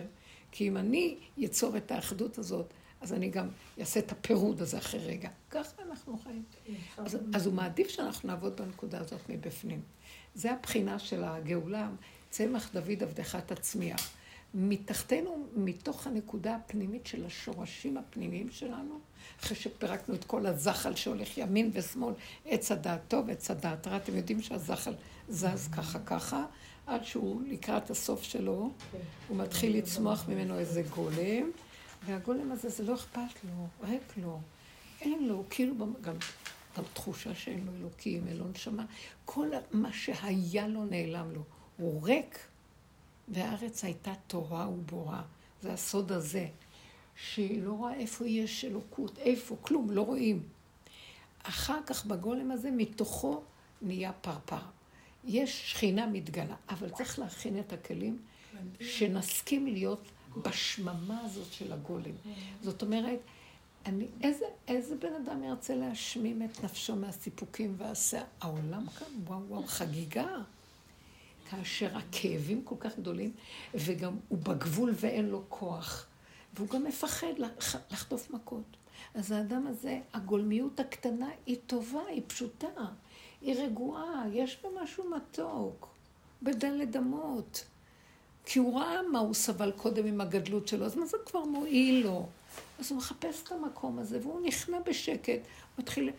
שמה כדאי, הגולם מתחיל לדבר, רוח ממללה. זה מעלת האדם, שהגולם, אם יש לנו עוד, אנחנו לא גולם, אנחנו אדם שמסכים לחזור לגולמיות. אז הרוח ממללה עוד מעוררת לו עכשיו להקים את השכינה. אין כוחנו אלא בפה. תדברו, תדברו. פרפר, פה, פעמיים פה יש בזה, פה ופה ורש, כאילו הראש בתוך הפה. תכניסו את הראש לפה ותדברו, תדברו. זה מאוד עוזר לי, זה מאוד עוזר לי, זה נותן לי חיות בשממה. הדיבור מחיה. אני מדברת לעצמי, אני מדברת אפילו לפעמים בלי קול, אבל בדיבורים, זה אותיות חותכות מבפנים, יש כזה. כאילו אני מדברת איתו, אני מדברת, זה נמצא בפנים, לא תמיד זה נשמע, אבל זה קול שמדבר. מאיפה מגיע כל ה... מה? איך? מאיפה זה מגיע? כאילו, זה כמו איזה מעיין. בורא עולם. את לא מכינה כלום. אבל זה, כאילו, זה, זה, בורא זה, עולם. אני אומרת לכם, כשמתרוקנים מהמכות, מהכאבים, מההתבוננות, אדם, כאילו, הוא ממית את הישות הקודמת, הגונבת, אז כנגדו נכנס משהו שמחיה. ממית ומחיה, ממית ומחיה, ממית ומחיה, הוא מצמיח ישועה. ואחרי זה תתגלה הקדושה פרפר. אחרי זה אתה קדוש, השמך קדוש. אבל הגולם אין לו תחושה של כלום. ממש לא קדושה, לא כלום. פעם עוד היה לנו קדושה. זה רק תחושות של המדמה, כוח המדמה של המוח. באמת, באמת צריך להתרקם הכל, כי זה שקר, אין כלום. מישהו מוכן לעבור את המדבר הזה? בין מצרים, הם עברו מדבר נורא כדי להיכנס לארץ ישראל. זה קשה. אבל אני ראיתי שגם אנחנו, אה, מישהו שואל אותנו בעל כורחנו. אנחנו העם של השם, מכריח אותנו. הפסקנו. להיאבק. השאלה איך נעבור את זה. זאת אומרת, כבר נעבור את זה, השאלה איך איך- איך נעבור את זה. נעבור את זה בהשלמה. ככל שנכנעים ומסכימים, זה לא פשוט להיכנע, יש בנו כוחות של מרדות שלא רוצים להיכנע, ורבים וכועסים עם, עם עצמנו, עם השם. בסדר, הוא מקשיב, אני, אני מדברת איתו, אני מתקיפה, הוא מתקיף אותי, הכל, אמרתי לו, אני לא יכולה... מה זה הלכנו מכות? זה מזכיר סיפור של הבעל אבל תבין. אותי, אמרתי לו, תבין אותי, מה אתה עושה? אה, מישהו סיפר, יכול להיות שזה היה רבי מיללוב, שהוא הוא עבר, הוא הלך, היה באזור מירון, והוא ראה איזה אדם בתוך היער שם, בתוך החורשות, צועק ומרים ידיים, והוא הסתכל, הוא ראה שזה רב אושר. והוא צועק להשם ועושה לו ככה, ראיתי אותו עושה ככה להשם. לא השם, זה לשד. אי אפשר להגיד את זה להשם, אבל ביני לבין השם יש שד שמה, שנראה שזה השם. אז אני חייב לדבר איתו. תבינו, יש הרבה כוחות בין לבין. הוא אמר, והפנים שלו היו אדומות כמו רוצח. שחרר את הכאבים שלו, שחרר את הצעקות. מה? אנחנו פתאים, עבדנו אותך עד זוב דם, וזה מה שמגיע לנו. מה קרה? מה אתה רוצה? אני שומעת כאילו צועקים ואומרים, טיפשים, למה עד זוב דם עבדתם? אנחנו גנובים פה. זה גלות שאפשר היה לגמור אותה מזמן. אתם לא קולטים שאנחנו בלופ ש... שיצ... זה כמו מכונה שהתקלקלה, מי יעצור אותה עכשיו? תוציאו את התקע. שהבת שלי הייתה... זה התקלקל. ואנחנו עוד פעם, ויש כאלה ש... אני לפעמים מדברים עם אנשים שהם הם לא מוכנים להקשיב אפילו. לא, כן, זה זה, זה, מה? אוכלים את הזנב, ואתה לא רואה איפה שאנחנו תקועים פה? וואי, זה קשה מאוד. צריכים להרגיש את הגבול ואת העייפות מהכל. שם זה קורה. אנשים מפחדים? מהגבול, מאוד מפחדים כן. מהגבול. מאוד. אז עכשיו מה הוא עושה? הוא מוציא את האנשים מבתיהם. אנשי הגבול הסתובבו, כך כתוב בגמרא, שאלה שיושבים בגבולות מסתובבים ואין להם מקום. הגבלן נישום, זה מי שיושב בגבול שממה, הגבולות נהיות שממה ונהיה, זה שם נהיה עכשיו אה, מחנות קרב, זה מחנות צבאיות הכל. כל המקומות של העשה, הם הוציאו את האנשים ונהיה שם טנקים ומחנות של צבא.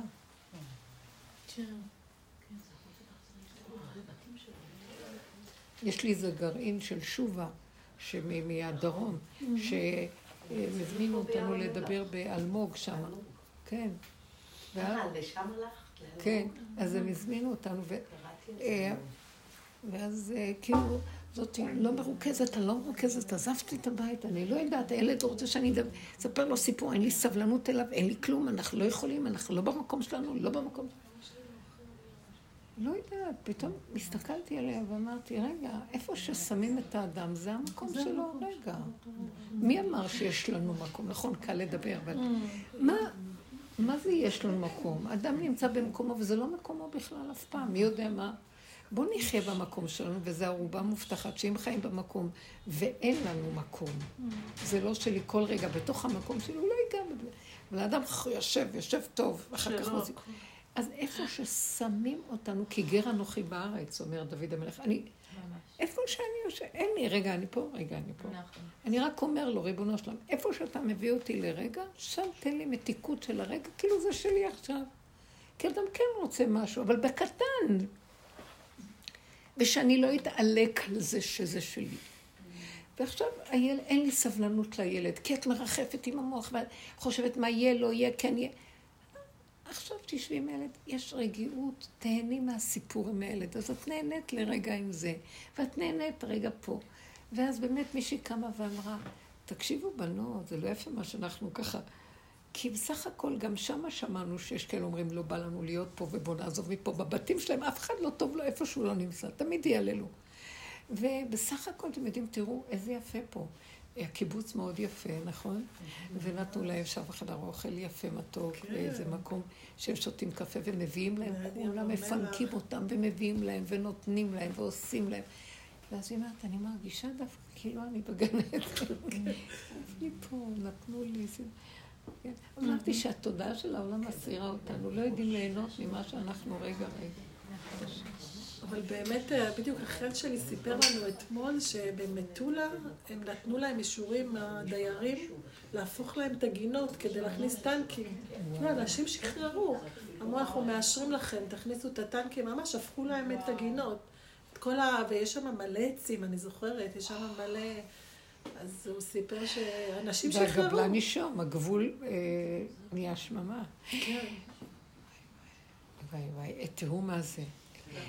מתרגלים אותנו להרפאיה ולהכנעה. אבא, ואני אומרת אבא, אני... אלה שעבדו בנפש שנים, הסכמנו בנפש עוד לפני כל ההתעוררות, אז אני אומרת לו, אז אני מסכימה בנפש, אל תיגע בגוף. אל תיגע בגוף, בכלום. כי בנפש כבר מתנו, מסרנו mm. לכם. עכשיו מה אכפת לך? אם האדם עושה, אז את זה הוא רוצה. זה נכון. הוא לא רוצה לגוע בגוף האדם, הוא לא נכון. רוצה. אבל אם לא נותנים לו, והוא צועק, צועק, לא שומעים, מה? אנחנו צריכים להיות ערניים. תיכנסו פנימה, תתבוננו, תהיו חזקים. תעשו את הנקודה ותעבדו עם עצמכם, ואל תוותרו. זה תדברו עם עצמכם, תלבנו, למה אני כועס, למה אני כועס, למה אני, זה, למה אני לא רגוע, מה, מה חסר לי? כי אני יוצא מהגבול שלי ורוצה לבלוע עולם. זה שקר, זה הבלען. אני לא רוצה כלום, אני רוצה רגע.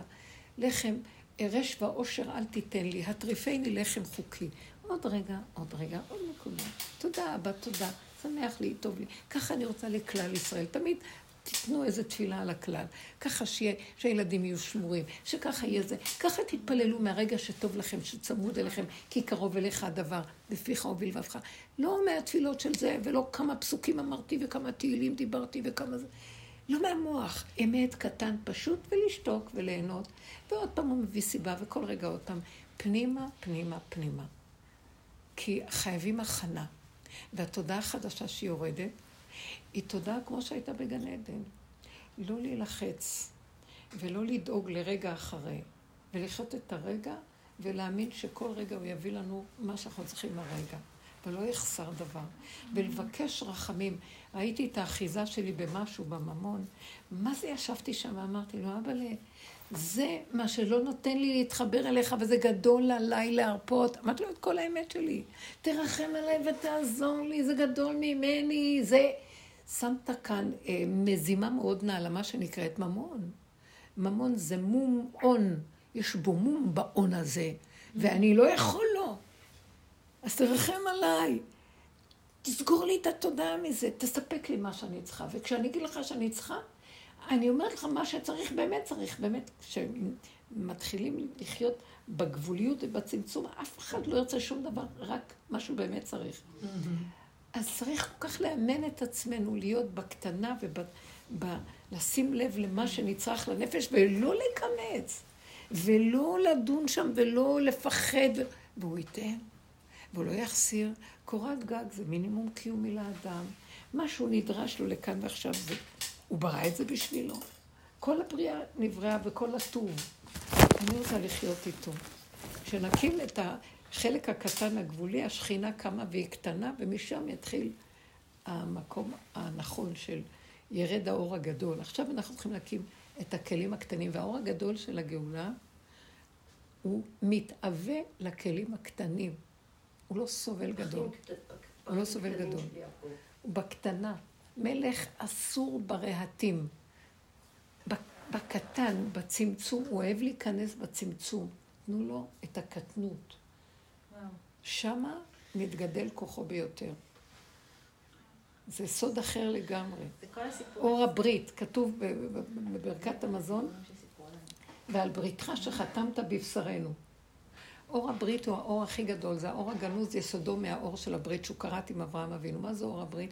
הוא לא אור של טבע, של אה, טוען ונטען, ושל שכר ועונש, ושל אה, זכות וחובה. אדם עושה ככה, הוא יקבל ככה, אם הוא לא אמר ככה, עכשיו הוא עושה זה, מגיע לו זה. אה, לא, שום דבר מהסוג הזה. כי למה? ככה, אין לזה טעם, אין לזה ריח, ככה השם רוצה, וזהו, שנשמות ישראל קשורות איתו. מהשורש הפנימי שלו במציאותו, שאף אחד לא מבין מה זה. למה? ככה, כמו שאמרו המקטרגים, אלו ואלו עובדי עבודה זרה, למה את אלה אתה מטביע את המצרים ואת אלה? שתוק, ככה עלה במחשבתי, אל תקשה ואל תשאל שאלות. עכשיו, הברית, האור הזה של הברית, שהוא למעלה מכל טעם וריח האור הניצי, איפה הוא מתגלה? חתמת אותו בבשרנו. Mm. בבשרו של האדם מתגלה. זאת אומרת, בגבוליות הפשוטה, לא בנפש ולא ברוח ולא בנשמה. זה אור של הנשמה של הנשמה, שהוא יורד רק איפה שיש בשר. אבל לא הבשר של האור של הנחש, של האור ש, ש, שנהיינו כבר קטנים ומדולדלים, ואין לנו כבר כוח ולא מזיקים ומתאווים ו... עם האנרגיות הגדולות, הכל בגבוליות ובקטנות, ומאוד כבר אין לנו כוח לכלום. ורק רוצים לחיות וליהנות ולשמוח ולהודות לו. ותעזור לי שלא יהיו לי מצוקות, וכשמגיעה מצוקה הכי קטנה, לא לפרנס אותה, לא יכול. היא דופקת ואומרת, אה, אני מזהיר אתכם, אתם על הגבול שלכם, המצוקה לא באה שאנחנו... שתיים, או נהדוף אותה ונחיה בהפקרות, או ניכנס בה וננבור בה. אלא לקחת אותה ולהגיד לו, לך, זה גדול עליי, אין לי כוח להיכנס. בשביל זה שלחתי את זה, של להזהיר אתכם, תתקשרו אליי. אז עכשיו זה הזמן להתקשר אליו, זהו. זה מה שיש. לא לשחק עם המוח ולחפש גדלות. ולסדר את המציאות. אה? המצוקה זה השייכות, צריך אה, כאילו להוריד את השייכות. שאני רוצה להיות יכול וגדול. זה עץ אדם. היא הבת שלי, זה הבן שלי. אגב, אני שולחת. כן, כי פעם אמרת שהנחש הוא השורש עליון, כאילו, את אומרת עכשיו להוריד את ה... כאילו, יש איזה משהו באדם שהוא אוהב את הנחש, בגלל זה הוא במקום הזה, ואז נזכרתי שאמרת שהוא שורש עליון, שהוא... שבסוף הוא יהפוך לחבר. אני לא יודעת, זה תלוי מה אני אעשה איתו. משהו, שהוא בסוף מתהפך לחבר של האדם.